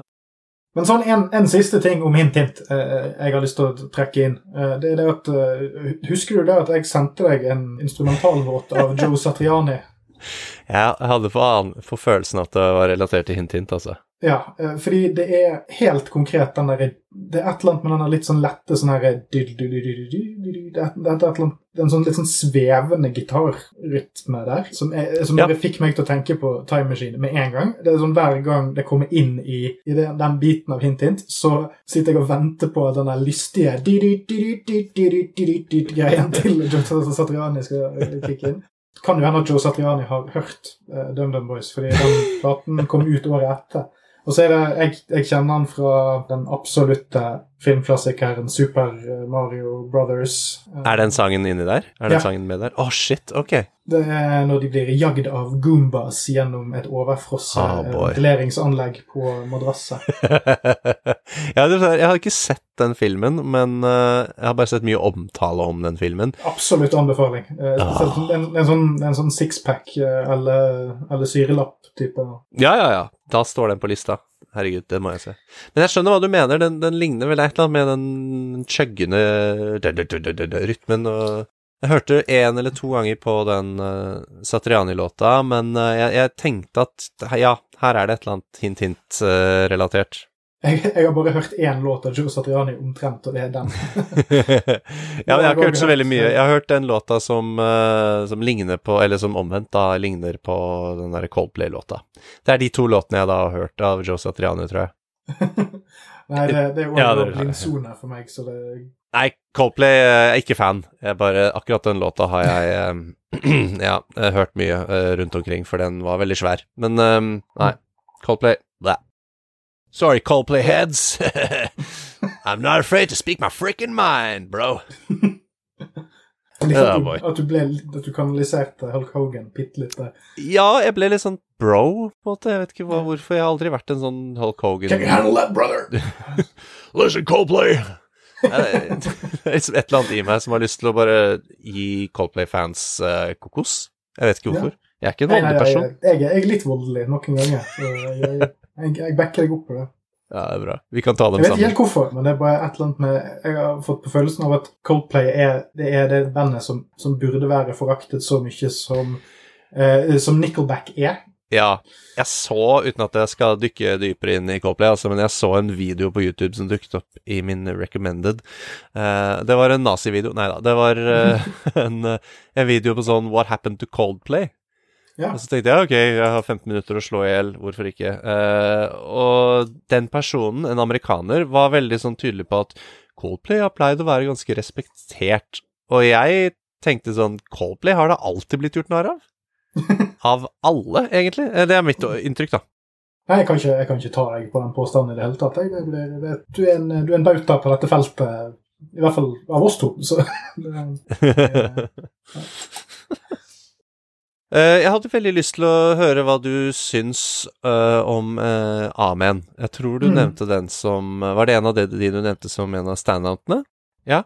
Ja, For jeg, jeg har også Det er også en sang som Det er jo veldig utypisk DumDum Boys, en sånn låt. De er jo stort sett så er de eh, rock'n'roll-fiskenboll. Um, eh, men de har liksom de, de liker å leke med ballader. Altså, de gjør gjerne noen sånne sånn, litt sånn countryaktige ballader en gang iblant, som Transit-låta. Eh, og så hender det at de liksom er litt softere, men at de er helt frie for liksom trommer, og at det er veldig, det er veldig dystert og sånn, det, det er ikke så ofte, da. Den veldig liksom ja, Veldig sånn triste balladen som jeg er ganske sikker på handler om eh, noen som mister noen veldig kjært kjær. Um, jeg tror jeg har hørt at den handler om et ektepar hvor den ene dør, men eh, Og det er jo litt i teksten, kanskje.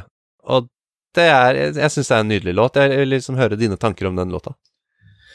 Ja, da kan jeg jo gå litt tilbake til solide saker først. Eh, bare sånn, sånn introduksjonsmessig. Fordi det er noe med eh, solide saker som får meg til å tenke at den tar oss inn for en krasjlanding, som de, de sier Ja, i teksten. de sier. Mm. Eh, Århundrets krasjlanding. Jeg syns, Mm. jeg syns det er annet Det er et eller annet i den, den har litt sånn 80s elektronika, syrerock-greie ved seg, altså solide saker. Mm. Eh, og at det er, det er noe med at jeg føler at den hører sammen med Amen. Jeg skjønner hva du mener. Den, det er et eller annet med at de har litt samme Ja, det er et eller annet med syntvibben og- Jeg, vet- ja, jeg har aldri tenkt på det før. Men uh, godt poeng. Uh, det er noe Ja. som er litt sånn De høres Altså, de har veldig forskjellige For meg så er de helt forskjellige liksom moods, Uh, hvor den ene er litt sånn halvbreial, og den andre er veldig naken og sårbar. Men det er et eller annet som gjør at de to passer veldig godt inn i hverandre. Det er jeg enig i. Ja, men det, det jeg skal si om Amund, er at jeg er generelt er jo at jeg er veldig glad i ballade. Jeg er veldig glad i ballade fra tøffe menn. Det er noe med Altså sånn Sånne pusegutter kan synge sårt eh, Mm. året rundt, sant?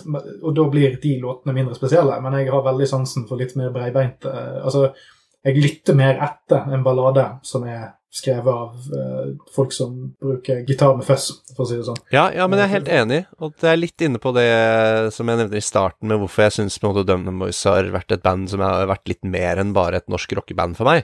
Er at de, de var liksom ikke redde for å våge de type tingene der òg, da. Altså, det er jo ikke verdens modigste sprang å gjøre en låt som Amen, men det er eh, jeg, jeg bare setter pris på at band er litt villige til å liksom Ok, nå, nå legger vi vekk trommene, og vi legger vekk alt, liksom. Vi tar fram noe liksom ja, det er noe, liksom, det er noe trommer der, det er noe bongo-greier, og, det er noe, Mm. og så har de noe sånn synth-loops og sånn, men at de liksom tør å gjøre det, da, uten at det, det skal liksom Alle skal med og rocke løs hele tiden. Jeg syns bare det er Det har gjort Dumdum Boys enda mer interessant for meg, tror jeg. Ja, altså, jeg, jeg syns bandet generelt er mer interessant for meg nå, når jeg har hørt denne. Eh, Mm. Og så, bare for å fullføre tanken litt om dette med, med disse rolige balladene til disse liksom, tøffe guttene sånn generelt, er det at eh, når du starter platen med noe som Bull Detector, så skal du være ganske overbevist om at denne låten her må med for at du skal spille den inn. Mm. Eh, Så det er det at altså det finnes jo mange mislykkede eh, rock- og metallballader der ute. Men jeg vil si at de ofte har en ganske høy hitrate, egentlig. På, på i hvert fall de bandene jeg respekterer, så er det sånn at når de først lager en rolig låt, så funker det ofte. Eh, og det tror jeg har noe med at de er såpass, ofte såpass redd for å være pusete at de faktisk på en måte kan stå litt inne for de rolige tingene når de først går for det. Og det virker det som de har her òg. Altså det er det at de både tør å våge å være såpass pretensiøse som dette Mm. kan være. Altså sånn At det er en sånn her hval-didgeridoo som starter med sånn som Ja. som går litt sånn i, i loop. Og så der du sa med den der afrikanske trommene. Altså jeg får, Ja. får litt sånn ja, det, det, Vet du hva det minner meg om? Nå husker jeg ikke du, Faen, jeg skal ta og Jeg må bare finne en spilleliste jeg har her. Ja, den minner meg om Jeg har hørt på ganske mange plater det siste året. Som en sånn, et, ledd av en, ny, et nytt og bedre liv. Eh, og da har jeg hørt på Steel Wheels av The, The Rolling Stones, for det er en av albumene vi har liggende i huset av en eller. Eh, og der er det en sang som heter Continental Drift ja. som har veldig like vibes som den her, syns jeg. Det er, okay. et eller annet, det er et eller annet noe sånn litt sånn digitalt, men sånn, sånn eh, en, en slags imitasjon av noe litt sånn tribal-aktig, men åpenbart gjort i et studio, åpenbart gjort med moderne verktøy og sånt. da. Det er ikke fake eller noe sånt, men det er en egen sånn estetisk greie, og jeg syns egentlig det er litt Det er et eller annet med den låten til DumDum som er Mm. den høres litt kunstig ut, men det mener jeg på en god måte. Altså, det er ikke sånn at Altså, Det høres ikke ut som de har prøvd å få det til å høres ut som en sånn, eh, som en sånn valsanglåt heller, men de har puttet inn noen alluderinger til den typen litt sånn spirituell, spirituell eh, greie. Og, og den Mm. Continental Rift til eh, Stones har litt den samme greien. Den har en litt sånn tribal-aktig drive. Ja, men det, det er morsomt at du sier det, fordi jeg nevnte jo um, Dette er et sånt band som foreldrene mine var veldig opptatt av, Mm. mm. DumDum Boys, og det bandet som min far er liksom mest opptatt av, som jeg liksom har fått veldig inn i, i oppveksten, det er Rolling Stones. Eh, Jeg har ikke vært like mottagelig, jeg syns det er mye bra, da, men det, den plata der, det tror jeg er en av de minst kanskje likte platene deres. Steel Wheels. Ja, jeg, jeg tror at Eh. den har solgt litt, men, men det, er jo, det er jo en grunn til at den bare randomly har dukket opp gjennom et eller annet dødsbo. Ja. Ja, så de har den låta som heter Mixed Emotions, som er ganske svær. Eller den er vel en av, sånne, en av de liksom mer kjente låtene deres, i hvert fall fra dette, denne ti, den tiden. Men jeg har ikke hørt den låta du snakker om, Continental Drift. Den tror jeg ikke jeg, jeg, tror jeg ikke jeg har hørt. Eller hvis jeg har hørt den, så er det som bakgrunnsstøy at jeg prøvde å gjøre lekser i 2001, liksom. Uh, eh, men det kan jeg ikke huske. Den eneste standout-låten på det albumet, syns jeg. hører. Ja, ikke sant. Ja. Nei, jeg har ikke noe forhold til Stones heller, så det, men det er jo definitivt et sånt Folk som har begynt å bli gamle, prøver å høres mm. nye ut, eh, album. Men, eh, Ja. men det er Men det er i hvert fall det jeg syns var mest inspirert, for der prøver de ikke egentlig Der bare driver de, og der har Mick Jagger tydeligvis tatt mye Ja. i det siste og blitt inspirert av det, sant? og det funker. Jeg tror kanskje at eh, det, det er- få ting som er såpass morsomt som eh, å ikke vite så veldig mye om et veldig stort band, og, og, men unntatt liksom én veldig dårlig plate. Jeg syns det er et eller annet med det som er veldig gøy. Ja, det er, jo, det er jo på en måte det jeg har bygd personligheten min litt på. Men altså, jeg kan eh, ikke en dritt om det du bryr deg om, men jeg kan denne veldig lille sånn spesifikke tulletingen her. Kan ikke vi bare snakke om det istedenfor alt du har kunnskap om? ja, men det er veldig bra. Eh, men liksom Ja, altså, jeg, jeg bare Jeg setter veldig pris på den type låter generelt, og hvis du liker Amen og, og setter pris på den atmosfæren, så ville jeg jo anbefalt deg en annen DumDum Boys-låt fra en annen plate. Eh, eller to, egentlig, som er ganske like. Den ene er veldig søt, og den andre er veldig trist. Den ene er, kan du synge til datteren din, liksom. Som, den, det er liksom en vuggesang. Heter uh, Stort og svart. Hvor jeg tror det er gitaristen Kjartan som synger på den låta, og, og, en, og en dame som jeg ikke vet hva heter synger liksom eh, en veldig sånn søt uh, vuggesang til en baby, rett og slett. Hvor jeg syns åpningsfrasen er egentlig helt genial. Månen den er stor og rund, både den og jeg er full. Uh, og så er det liksom Ja, drøm søtt, du er trygg i natt, og det er litt sånn søt. Og så er det den andre låta, som jeg kanskje mistenker at du vil Som er litt mer som Amen, på en måte, med at den er litt mer sånn Litt loops og litt sånn rare synter og sånn, men en veldig dyster og trist låt om en som dør, eller som har dødd. Uh, det er Hei, det er meg en låt fra 98, eh, Totem heter plata. Det er den dårlige plata til Dundermoys. Det er den plata jeg liksom hører på. Det er sånn, det er fire-fem låter som er liksom yes, dritbra. Og så er resten helt sånn derre Nei, det her gidder jeg ikke å høre på, liksom. Men akkurat den låta der, det er en av de beste Dundermoys-låtene, egentlig. Hei, det er meg. Så hvis du liker Amen, hvis du liker den type mm, myke, myke ballader, sårbare ballader fra sånn tøffe karer, så er det et sånn nytt ledd i den, da. Nei, det skal jeg notere meg. Og så er det jo òg altså det, For dette er jo egentlig ikke en sånn veldig stereotypisk ballade heller. Sant? Altså, Den har ikke så veldig mange av de der elementene som er veldig mye til stede i rockeband synger soft. Det er jo litt gitarspill og sånt, men det er jo hovedsakelig disse her, ja, disse her eh, tribal-trommene og den Mm. ballsangen som driver men det, men det er ganske fin gitarmelodi, den der litt sånn klimprende rolige Ja, ja, ja. Men er, om jeg skulle funnet på et sånt navn på den sjangeren her, så er det sånn nachspielet er over sangen. Ja. Eh, fordi det er, det er veldig sånn her nå, nå prøver vi å roe ned de som, eh, de som roper og krangler om eh, Bourdieu borti hjørnet her, og så prøve å signalisere at eh, vi skal prøve å rydde snart. Begynne å samle sammen panten og sånn. Per Ståle med sånn der pysjlue og stripete pysj eh, som stikker hodet ut av vinduet sitt og skriker 'Det blir stille en lang, lang stund etter amen, for helvete!' Så hele nachet endelig stiller. Ja, og så et sånt lite sånn telys i en sånn, ja, nettopp. en sånn, sånn liten hank. Som du blåser ut etterpå, sånn Puff! Ja, Så blåser du det ut. slamre med vinduene. Ah. Er, og det er jo også, det er også alltid bra når man henter inn en dame til å synge Mm. Hvem er det som synger? Er det noen som eh, man burde kunne navnet på? Eh, på Amen, tenker du? Hvem som synger dam, dame som Ja. synger på Amen? Det er, dette er jo dette som eh, alltid er litt teit med et band som det ikke er så mye info om. Det er at det er plutselig ikke så veldig mye info om hvem som synger, og nå har jeg ikke det bookletet foran meg. Jeg er helt sikker på at det er der, men jeg tror egentlig ikke det er en som vi burde vite hvem er. okay. Woman of no consequence.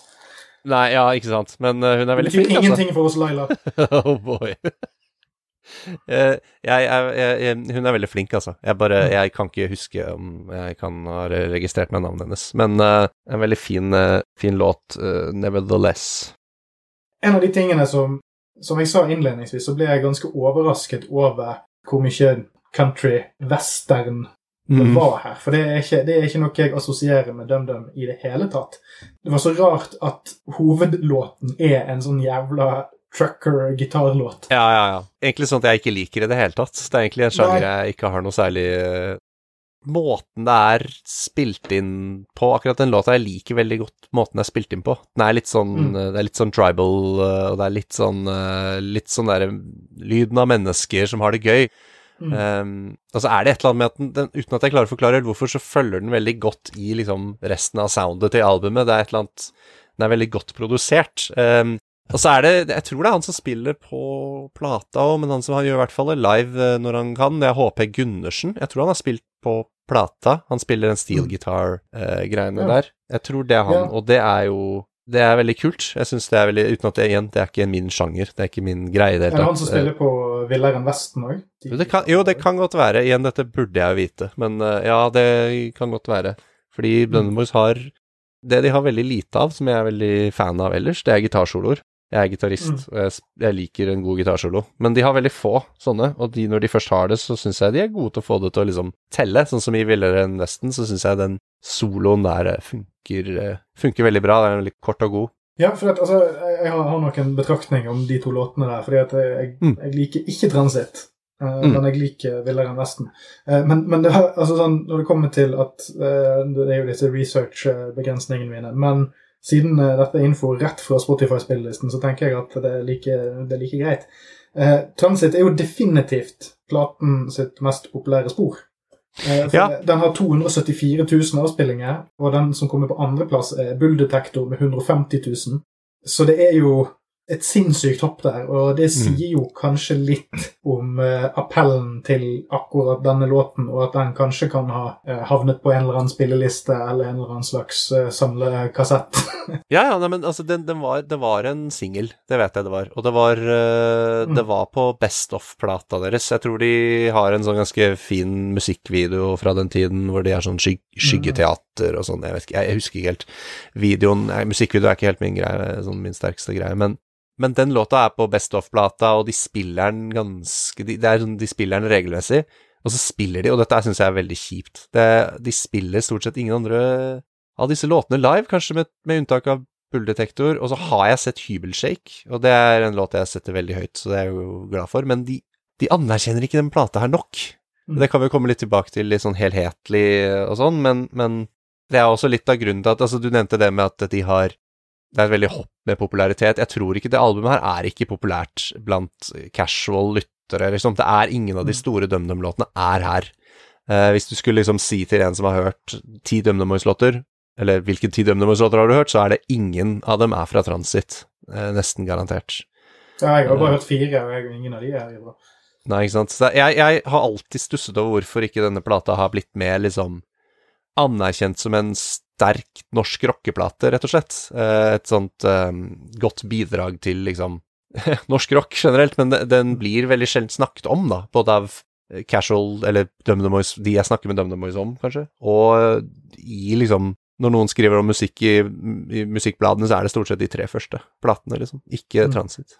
Men det der er jo et enormt problem med, med alle band, syns jeg. Det er denne, og nå, nå snakker jeg om uh, ikke bandene sjøl. Eller det, det er todelt.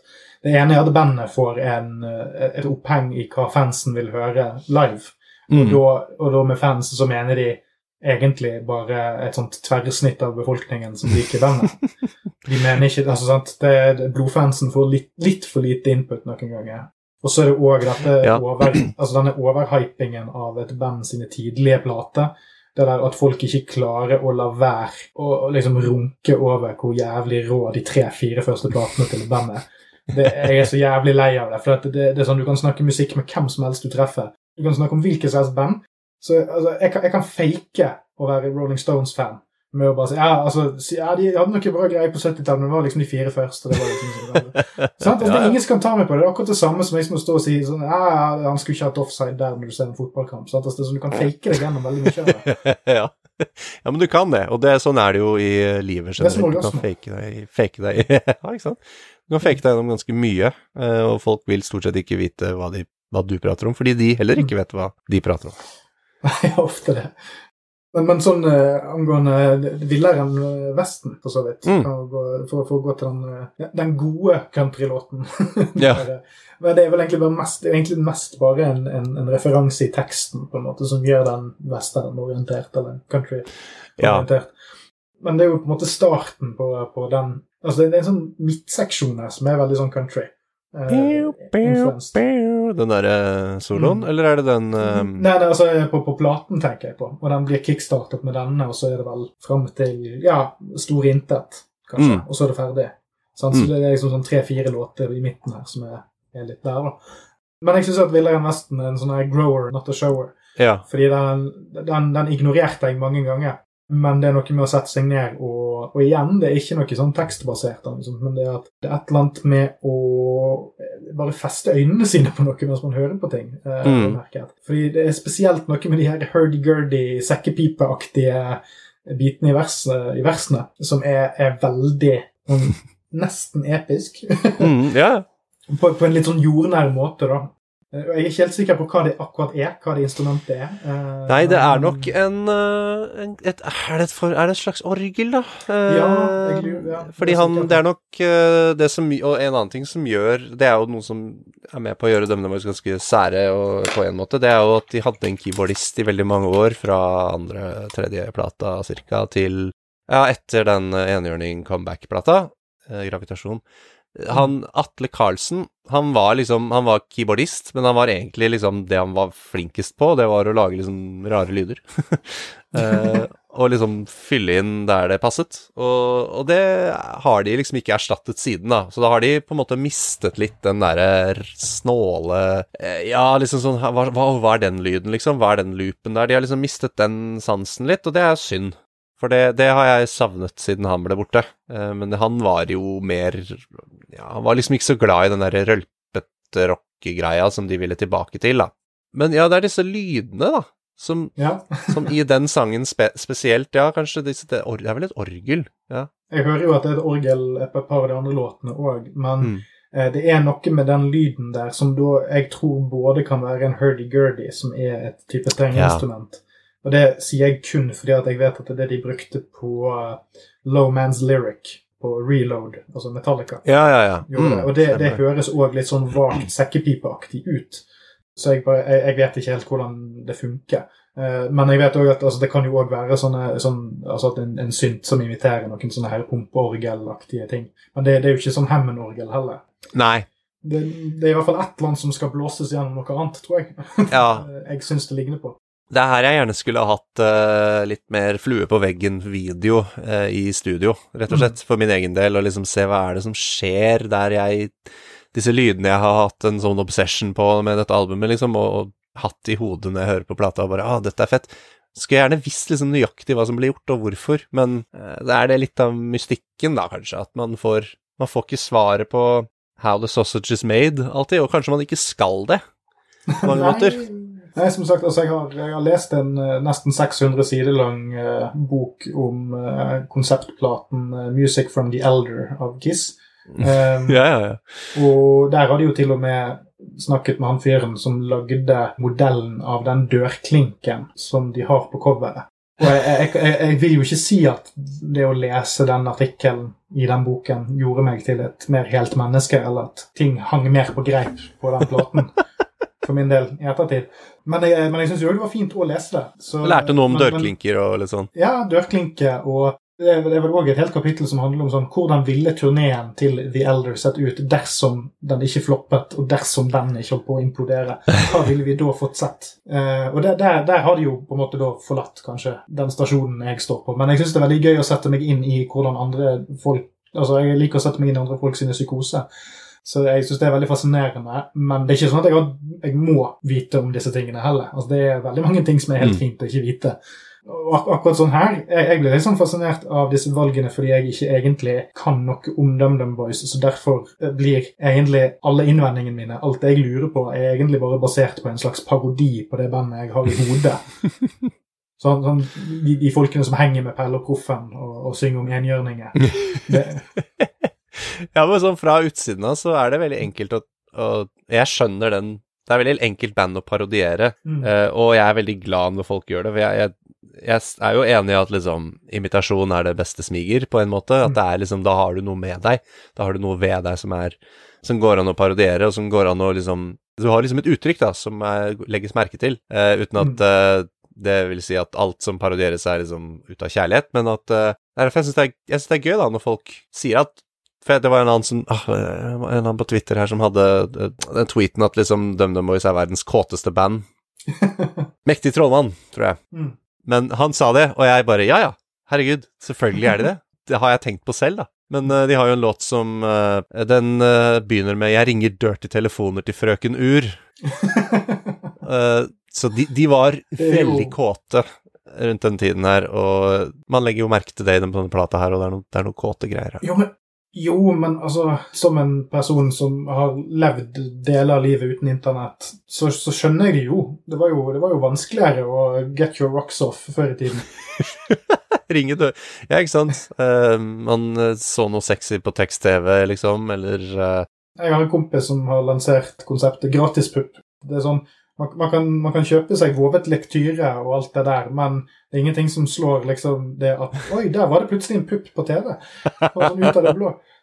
gratis pupp. Her, her var det nakenhet i en kontekst der du ikke forventet det. Derfor er det Jeg- en bonus. på en måte, sant? Ja, men jeg tror, eh, jeg tror det er jeg noe tror kanskje. DumDum Boys levde gjennom det på 80-tallet. Jeg tror det. Kanskje DumDum Boys fylte et eller annet tomrom for uh, unge menn eller gutter som ikke hadde råd til å kjøpe pornoblader. Uh, som tenkte Kanskje- at de heller ville liksom høre en uh, låt som Jeg tror det var det tweeten til han mektige trollmannen var, var liksom hvilken er den kåteste DumDum Boys-låta, og da måtte jeg stemme på en låt som heter Hud og hår, hvor uh, refrenget er vel hooket er vel uh, mellom dine lår er jeg både hud og hår, eller noe sånt. Er nasty. Det er liksom så kåt. Det er så jævla horny at det er en ekkelt, nesten. Og da tror jeg faktisk det blir litt verre at han synger på østlandsk. Ja, du hører at de er ikke fra liksom Oslo. Så du hører en, det er en viss affeksjon der også. Det gjør det ekstra litt sånn slibrig. Da har vi egentlig kommet til uh, krasjlandingsbiten, der vi prøver å, å, å finne hverandre på veien ut. Så her er jo et sånt segment jeg du har valgt å kalle 'Heter du Per Øyvind?' En liten, en liten avstikker om Preple som vokalist slash bandmedlemme slash avsluttende drøfting. Som igjen, jeg, jeg føler jeg, jeg har norsklæreren min fra videregående bak skulderen min hver gang jeg prøver å avslutte disse greiene her. Så, så jeg, jeg tenker vi, vi kan jo starte litt. Vi, vi har jo sant, Noen av de tingene jeg har her, har vi jo egentlig vært innom. men Eh, Preple er en jævlig god og solid vokalist. Mm. Uh, jeg syns han selger en attitude som norsk rock ofte mangler. Og det er da inkludert altså, altså sånn, sånn du, har, du har Jokke som er den her eh, Der har du liksom dette her nesten sånn angstskriket som han har liggende i bunnen på alt han synger. Ja, den veldig sånn- ærlige, ærlige fyren, liksom. Veldig sånn Ja, og- mm. Ja, og, og, så, og så har du, har du De Lillo som holder på å blåse over ende. Er litt sånn sår og rar. Eh, men så har du òg Michael Krohn som Han er veldig sånn påtatt overlegen. Så av de umiddelbare konkurrentene her, så syns jeg det er Preple som er den som er nærmest det jeg ville kalle en sympatisk, men tøff frontmann. Altså at han yeah. han, han klarer å være røff og tøff, og han klarer å, å liksom sende det ut gjennom musikken, men uten at jeg på noe tidspunkt stopper opp og syns at han, er, eh, at han later som. Eh, og det er ganske vanskelig når man, eh, når man er nordmann og synger på norsk. Fordi jeg tror vi har et øre for det der som er Vi er så vant til å høre rockemusikk på engelsk at vi, vi er veldig kritiske når folk begynner å tøffe seg på norsk. Ja, men det er jo det. Det er grunnen til at jeg aldri har sunget på norsk selv. Eh, Det er at um, Jo, altså apropos det vi snakket om tidligere. Altså, da jeg skulle eh, En venn av meg, Christian eh, Nærum, han skulle lese litt av eh, boka mi for en stund siden, eh, og så sa han ganske tidlig så sa han Uh, Hvorfor er alle Er det ingen band her som synger på norsk? Er det ingen band her som er, er norske, har norske navn, eller? Bare, for det er jo bare fiktive bandnavn jeg har funnet opp, ikke sant? Jeg bare, ja, men da jeg begynte å spille musikk, så var det ingen som ville synge på norsk. Midten av 2000-tallet, for da var det så jævla dølt. Sånn unntatt DumDum Boys og De Lillos og sånn. Det var liksom ingen egentlig Det var veldig mange som gjorde det. Da var det kult å synge på engelsk. Så det at folk gjør det litt mer nå, det tror jeg er liksom takket være de fire store, og selvfølgelig også de som sang på norsk før det. Eh, liksom Åge Aleksandersen sikkert, og litt sånn. Men, Mm. men jeg tror at eh, band som DumDum og, og De Lillos og Jokke og Raga har jo vært med å pløye den åkeren litt, da. Og, og si at liksom det kan, man kan være litt kul på et liksom kanskje litt ukult språk. Ja, for det er noe med det filteret der som med en gang det forsvinner. Fordi du kan synge på engelsk, og så kan du òg da spille veldig på det at verken du eller publikum det, det forventes ikke at du skal levere så veldig mye eh, tankevekkende tekster, og det er lettere å Mm. kamuflere for et norsk publikum hva du skriver. Eh, og og Det betyr ikke at man skriver dårlige ting på engelsk, men jeg tror det er lettere for nordmenn å akseptere nordmenn som synger på engelsk, for da kan ikke vi høre hvor teit det er Mm. hvis det er teit. Men jeg tror det er det at vi, vi er såpass sosialt orienterte. Vi er veldig opptatt av om folk stikker seg ut, eller om folk eh, er noe de ikke egentlig har lov til å være. Vi er veldig Mm. sånn på å jekke hverandre ned et par hakk hvis det er noen som har et stort ego og sånn. Og de tingene der blir veldig åpenbart når du skal begynne å tøffe deg litt eh, i musikk. Det, da, da har du ikke den her eh, verbale Altså denne, denne her samtalebaserte tingen. Sant? Altså, du står på en scene, eller du høres gjennom en radio eller gjennom høyttalere. Mm. Det er veldig sånn autoritativt i seg sjøl. Så hvis det er noe dissonans da mellom det som blir kommunisert, og det som blir oppfattet, så ramler lytteren av og vender seg mot deg veldig fort, tror jeg. Det er nettopp det at uh, det er en ba balansegang der, tror jeg. Og eh, Mm. jeg syns ikke det funker å lage veldig sånn gangsterrapp på norsk, eksempel. Det er kanskje det første eksempelet jeg har. Også, også litt sånn derre puddelrock på norsk er liksom også litt sånn For meg er det litt sånn derre ja, try hard. Og jeg, jeg syns altså sånn Jeg syns at de som får til å synge på norsk, det er liksom enda mer imponerende. Eh, men jeg har også mye høyere sånn Øh, dette gidder jeg ikke høre på hvis det er et dårlig band som synger på norsk, fordi da blir det så åpenbart og nakent hva de egentlig driver og synger om. Mm. Eh, Jeg skal ikke nevne så mange navn, fordi jeg vil ikke være så veldig negativ. Men det er noen band som liksom har fått mye hype, som er liksom det, da, som, som kom i den bølgen hvor band begynte å synge mer på norsk igjen, som jeg bare er sånn Jeg syns det suger så jævlig, liksom. Og det blir så åpenbart for meg at det er litt fordi de synger på norsk. Men de gode, da, de som virkelig Mm. får det til på norsk, har jeg veldig mye respekt for. Men det er liksom ikke det er ikke hverdagskost, det der. Gode tekster på norsk. Og det, det er jo DumDum Boys og de som er veldig glad i DumDum Boys, veldig klar over. At liksom det har vært en av styrkene til DumDum Boys hele veien, er det er gode tekster. Ja, det er noen tekster om å ha lyst til å pule veldig mye og sånn, men uh, det kan jo være gøy. Men de har også, for hver låt de har om å pule, så har de ti om, som handler om å liksom bare ha dyp kjærlighetssorg, som, hvor de maler veldig fine, men folkelige bilder, Mm. eh, og låter som jo har satt seg fast i folkesjela, da. Splitter pine er jo en ganske sånn det er ikke en spesielt sterk tekst, det er ikke en spesielt sterk låt, men det er jo en låt som har liksom virkelig festet seg, og har jo på en måte gjenintrodusert et slags Donald-uttrykk, liksom. Jeg tenker på det som et splitter pine, nå er B-gjengen her igjen, liksom. det er litt morsomt sånn at du nevner det, da, for at det er noe med disse titlene som er litt Sangtitlene er litt rare. Ja. Og altså, de altså det jeg har skrevet her i notatene mine, er at de ser ikke norske ut selv om de er på norsk. på en måte. Titlene, Titlene, liksom. Ja, altså det er som om at en amerikaner skal fake at han kan norsk. Da skriver han sånne navn på ting. Villere enn Altså, Vesten og sånt. Ja, Villere enn Vesten, for eksempel. Ja, det er sant. Uh, Og jeg skjønner ikke umiddelbart hva det er de vil med noen av disse altså, titlene i det hele tatt. Bulldetektor også er vel egentlig ikke et ord. Nei, men den, den henger jo litt på greip, Ja. jeg. Uh, Ja, det er sant, men Også- det som er litt gøy, sånn, et sånt intervju en gang hvor eh, Kjartan Kristiansen ble spurt om hva er en bulldetektor. Jeg tror ikke han er så glad i å alltid gi et uh, veldig godt svar, for han bare sa at det er en caps med en propell på. det, er, det tror jeg ikke det er, Kjartan. Men det som var jobben til uh, Trond Kirkevåg i uh, Brødrene Dal. Jeg har faktisk sittet bak Jeg var på en Dette har ikke noe med noe å gjøre. Men jeg var på Cinemateket en gang og så en uh, sånn 35 millimeter eh, kopi av Fritz the Cat. Eh, og da satt det en fyr foran meg i salen som hadde på seg det jeg best kan beskrive som en felleskjøpecaps med propell på. Hva er poenget med en sånn caps? Er det liksom Hva er bruksverdien der? Nei, det, er vel, det er vel fordi at hvis du skal gå og se en tegnefilm om en katt som driver og tar masse syre og, og, og puler og sånn, så, så tar du på deg den propellcapsen bare for å for på en måte ha et uttrykk. Ja, ja. Hvor mange ganger har vi ikke lent oss på den snurrende sløyfe, eller ja Et klesplagg som har reddet oss alle fra å få bank av de kule gutta på skolen. ja. Men, men, men så for, akkurat angående den her, den her litt sånn eh, komboen av engelsk som kom inn i teksten noen ganger, det, jo, det var en ting jeg glemte å si om hybelshake. For der, der sier han jo deep shit eh, Mm. flere ganger. Eh, og nå når, du, når du liksom sa det der med heroin og sånn, så kom jeg bare på at er det, er det en referanse til deep shit junkies? Som er det der eh, fake rockebandet til Frode Øverli, Pyton.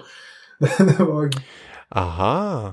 Ja, kanskje. Det, det, det kjenner jeg ikke så veldig til, men eh, det kan jo være, for um, en sånn parodi på Guns N' Roses, egentlig. ah, Når er det fra? Er det, det 90-tallet det år, eller er det senere? Ja, det er tidlig 90-tall. Ja, det kan være. Det, det kan være, fordi de, jeg tror de spilte inn plata i Bergen. Er Og, ja, og eh, han Yngve Sætre er jo bergenser, eller fra, rett utenfor Bergen et sted. Men uh, tror jeg i hvert fall. Det kan være han er fra litt lenger utenfor Bergen, men han var, Bergen, altså han var i den Bergensscenen, så det kan absolutt være. Det har jeg ikke tenkt på før. Så, så bare sånn par ting til med, med, med Preple, sånn Mm. før jeg glemmer det. det. Det kan godt hende at det der jeg har, det der jeg har reagert på, det jeg reagerte på i stedet, den der dissonansen Mm. det, er jo igjen noe jeg merket med Manic Street Preachers-platen jeg kjørte i en tidligere episode. Så igjen, eh, jeg vet ikke hva som er hva her.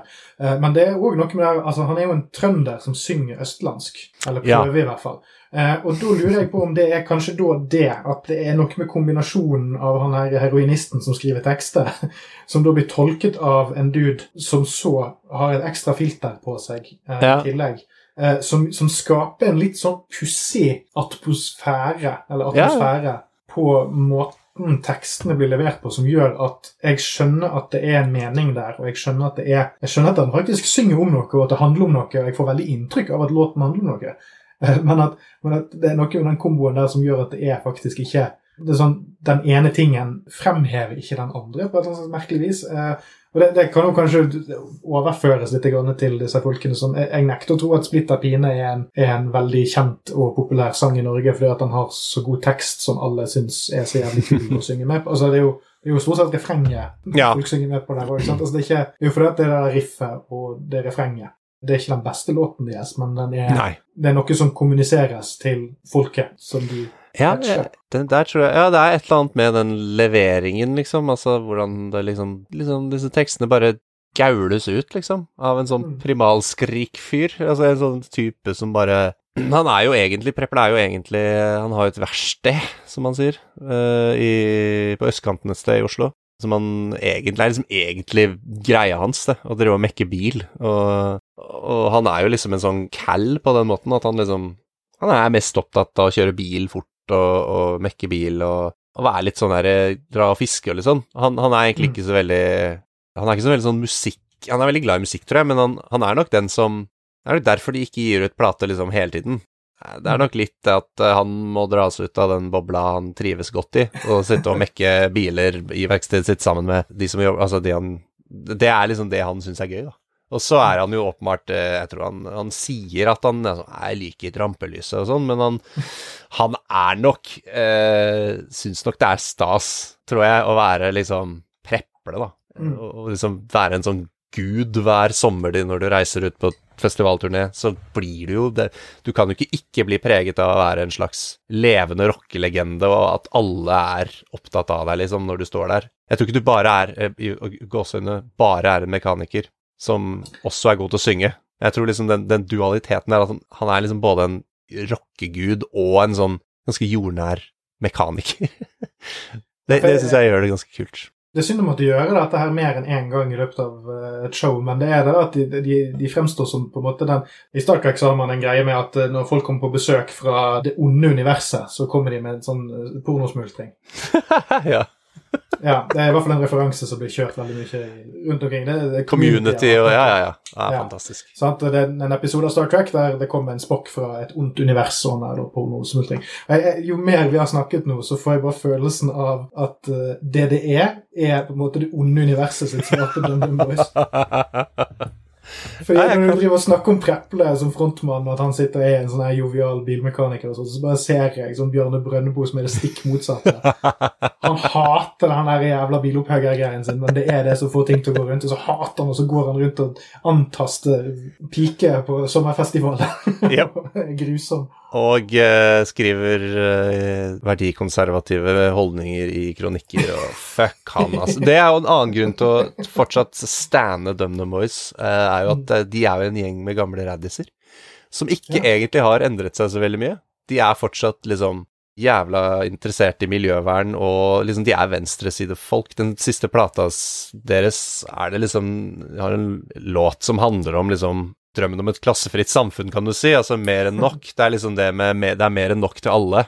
Og at um, Jeg husker ikke akkurat hva teksten går ut på, men altså noen fraser der og sånn, men det er liksom Jeg trodde vi var kvitt adelen-aktig uh, greie, men er sin, de er veldig sinna fortsatt, og, og de er liksom ikke så boomers, da, som mange andre kanskje kontemporære rockere som var litt sånn raddiser en gang i tiden, har blitt. Så jeg, jeg syns at det er også en, en grunn til at jeg de vil alltid ha en plass i hjertet mitt, er at de liksom de, de, de har litt baller på det der fortsatt. Jeg syns det er kult, da. Hadde de ikke, hadde de ikke røtter i punk? Hadde de ikke et Jo. punkband før? De var et band som heter Vannskrekk, og de sang på Ja. trøndersk. Og det var sånn derre Handler om i taua inn av og Mm. Litt sånn derre Kanskje litt sånn affektert, fordi de er jo middelklassegutter alle sammen. Eh, I hvert fall de fleste av dem. Fra liksom Han ene er fra Jeg tror noen av dem er fra Singsaker, som er liksom ganske Hvis jeg husker riktig, så er det liksom Det er litt det er ikke gettoen. Det er, eh, det er et finere strøk i Trondheim. Eh, bydel i Trondheim, tror jeg. Men, eh, Men altså, hjertet banker jo på venstre side. ja, og, og det er nettopp det, da. Og, og det har det liksom alltid gjort. De starta som et punkband med liksom punkverdier, og så har de gått inn i rocken, skifta til bokmål, men de har liksom de har beholdt, beholdt den lille punkeren, da. Også det at de, de gidder ikke å være med på ting de ikke vil være med på, sånn kjendisgreier og sånn. Og det er litt sånn boomer, kanskje, ting å, å være opptatt av å si yeah, det er kult å ikke ville være med på hver gang vi møtes, og yeah. Men jeg syns det er litt kult, da. At det finnes noen som er litt sånn Nei, jeg gidder ikke å, vi gidder ikke å stille opp på alt sånn derre gallagreiene. Vi syns det er liksom De har ikke lyst, så gjør de det ikke. Og for meg så er det bare sterkere, det gjør det bare kulere, liksom. Jeg har verken sett de helle øl på eh, Plumbo-vokalister, eller sett de bli flydd ned til Syden for å snakke med Thomas Numme om ekteskapsproblemer og sånt. Og det er, Mm. det er ingen i DumDum Boys som er, er framme i min hjerne som individet ute i popkulturen vår. Det er en sånn enhet. altså Du har du har Preple som en sånn greie, men det, det er mest gjennom bare, bare om, omtale, omtrent. Altså det, er ikke, det, det er ingen av de jeg syns liksom er en sånn allemannseie av, av, av norsk offentlighet. Jeg tror de ønsker å være litt sånn ikke allemannseie på den måten. Jeg tror det er liksom Jeg tror det er der de fungerer best i 2021, da, er liksom kom, altså liksom ligge i hi, og så bare Ja, skal vi dra på sommerturné, eller? Ja, vi gjør det. Og så gir de jernet, liksom. Og så, hvis du er heldig og ser dem, så er det stort sett en jævlig bra opplevelse, da. Og det tror jeg det, det, det er liksom Jeg har aldri sett dem få en dårlig anmeldelse, da. Live, iallfall. De har fått dårlige anmeldelser på plate, og de siste platene er det mange delte meninger om, liksom. Men uh, Vis meg et band som har holdt på i 30 år, som ikke har blandede Ja, de som har gjort comeback, ikke sant. Det blir liksom aldri det samme, og det er det ikke her heller. Jeg vil ikke påstå at Men jeg syns jo eksempel den nyeste plata deres er liksom Det holder ganske koken, da. Men jeg ville jo, hvis du liksom spurte meg om sånn Hva er liksom de beste årene til DumDum så ville jeg jo liksom sagt ja, liksom 89 til 96, da. Det er liksom gullæraen for meg. Ja, Jo, men det det er bare det å våge seg eh, videre for en over kneiken som Ja, ja. 1993 er jo ganske progressivt og vågalt, der, vil jeg si. Altså, jo. altså, Uten at jeg kan en dritt om DumDum Boys den perioden, men det er jo bare rocken på 90-tallet. Altså, du hadde det der legget med grunchen. sant? Mm. som regel, 93 er sånn, Der er det cold cutoff på alle. Hvis du liker noe som kom ut etter 1993, og du liker rock, så er det som regel en god grunn til å like det. ja. Det er som regel fordi at det overbeviser deg om et eller annet. Ja, jeg er liksom Når det kommer til sånn 90-tallet, da, så er egentlig Det er der jeg i mitt hjerte ligger musikalsk, tror jeg. Eller de to, to av favorittbandene mine hadde liksom sin storhetstid på 90-tallet, er liksom DumDum Boys og Blur. Eh, Det sto liksom mellom eh, Blur og, og DumDum Boys i denne episoden her å snakke om. Nei, Jeg har, jeg har en fascinasjon for 90-tallet sjøl, og jeg har eh, et av favorittbandene mine, Overkill. Uh, slapp Ja, ja. noen av sine kuleste plater på 90-tallet, spør du meg. Det er jo noe som gamle thrash-heads ville myrdet meg for å si, men vi har eksempel et de var jo et av disse bandene som ble sugd opp når Metallica ble store, og sånt, og så fikk de store platekontrakter. Og så ble de ditchet når grunchen kom, sant? så ble de kastet av labelen. De- var på Atlantic, liksom. Ja. Men så fant de ut at ja, vi, vi har fremdeles sånn 500 stykk som kommer og ser oss på klubb, liksom. Så, så nå er vi tilbake igjen til undergrunnen. Så da slapp de et album som het From the Underground and Below. som bare er Det er ganske 90-talls, men ikke på den der kjipe måten som band var 90-talls på den tiden. Det er bare sånn ekstremt brutalt og eh, nærmest hatefullt, men på en ekstremt kul måte. Det, det er noe med den æraen der som på en måte tvang veldig mange band til å enten selge sjelen sin eller bare doble ned på hva de faktisk kunne. Eh, Jeg vet ikke helt hvordan de gjorde det for norsk musikk, men jeg regner med det var litt det samme. Mm. Vi plukker jo opp vibber utenlands. fra ja, alt som kommer til Norge, kommer liksom Eller fra utlandet kommer liksom fem år senere, jeg vet ikke. Men sånn for å runde litt av nå, da. Ja. Ordentlig. På ekte. Jeg startet jo her med å liksom si hva DumDum Boys var for meg før jeg plukket opp denne platen. Jeg, jeg har jobbet ganske hardt for å ikke høre på noen av de andre platene før vi var ferdig med å spille inn her. Hmm. Sånn, jeg, jeg hadde ikke lyst til å liksom forpeste opplevelsen av uh, dette som en egen greie. Og det jeg syns er litt artig med de, er at, i hvert fall med Transitt, er at den får meg til å spesifikt tenke på at de er veldig lette på en måte jeg liker, men det, det er tungsinn Mm. uh, i, i den lettheten som gjør at de er Altså, det, det er en litt sånn skitso opplevelse å høre på dem, Mm. uh, men ikke på en negativ måte. Og som jeg kanskje sa på et annet tidspunkt, så er det sånn Raga Rockers er litt motpolen til det. De syns jeg på en måte er litt De er todimensjonale.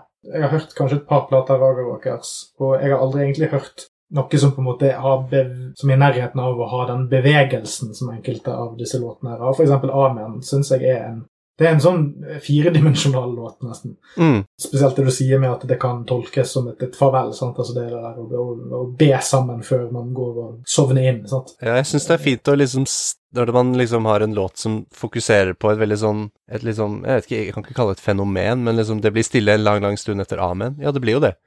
Det blir jo gjerne stille når du sitter i en sånn begravelse og noen sier amen, og så blir det stille. Og bare det å liksom zoome inn på den følelsen der, i musikk, det syns jeg er veldig vakkert, da. Liksom, jeg synes det er veldig sånn fint, og det er en fin måte å skrive musikk på, tenker jeg. Liksom finne Ja. de liksom små, små tingene, og huke fast i de, og liksom gjøre de liksom store med musikk. Ja, og så, og så er det det at de er Altså, de, har, de er ikke så lettkodelige, rett og slett. Altså, det er ikke sånn at jeg kan, jeg, jeg kan ikke sette meg ned nå etter å ha holdt på med dette her, og så Jeg kan, si, Mm. jeg kan lage en parodi på Bulldetektor eller Mm. noe sånt, men, men jeg har ikke inntrykk av at det er be all end all av hva de har å by på. Nei. Eh, Det jeg òg syns litt artig, er at den her kommer nok aldri til å være på min sånn topp ti. det er ikke mitt på den måten at det kommer til å gå inn i en, i en sånn, en sånn uh, Dette ville jeg hatt med meg på en øde øy. Mm. Uh, Men jeg, jeg, kan, jeg kan være helt enig med deg i at det er et perfekt album. Mm. Eh, Jeg vet ikke om jeg kunne sammenlignet det med noen andre, eh, andre band, og sånt, men det er det at når jeg har hørt gjennom det, så er det det at det er, ikke et fnugg daukjøtt der. Jeg kunne kanskje fjernet en låt her, men det er mest sannsynlig bare fordi jeg ikke har hørt repetert den nok ganger. Og det er, det, er aldri et tidspunkt der altså selv, selv den ene låten altså Jeg er sånn god på bunn og, og, Mm. og, og Store intet, de to er litt sånn De er litt tomme for meg akkurat nå når vi snakker sammen om det. Mm. Eh, Men hadde jeg gått tilbake igjen til de nå etterpå, så hadde jeg ikke endt opp med å, å si at nei, disse er meningsløse. Det er bare at jeg ikke har tilbrakt nok tid med dem, og det vet jeg nå, på en måte.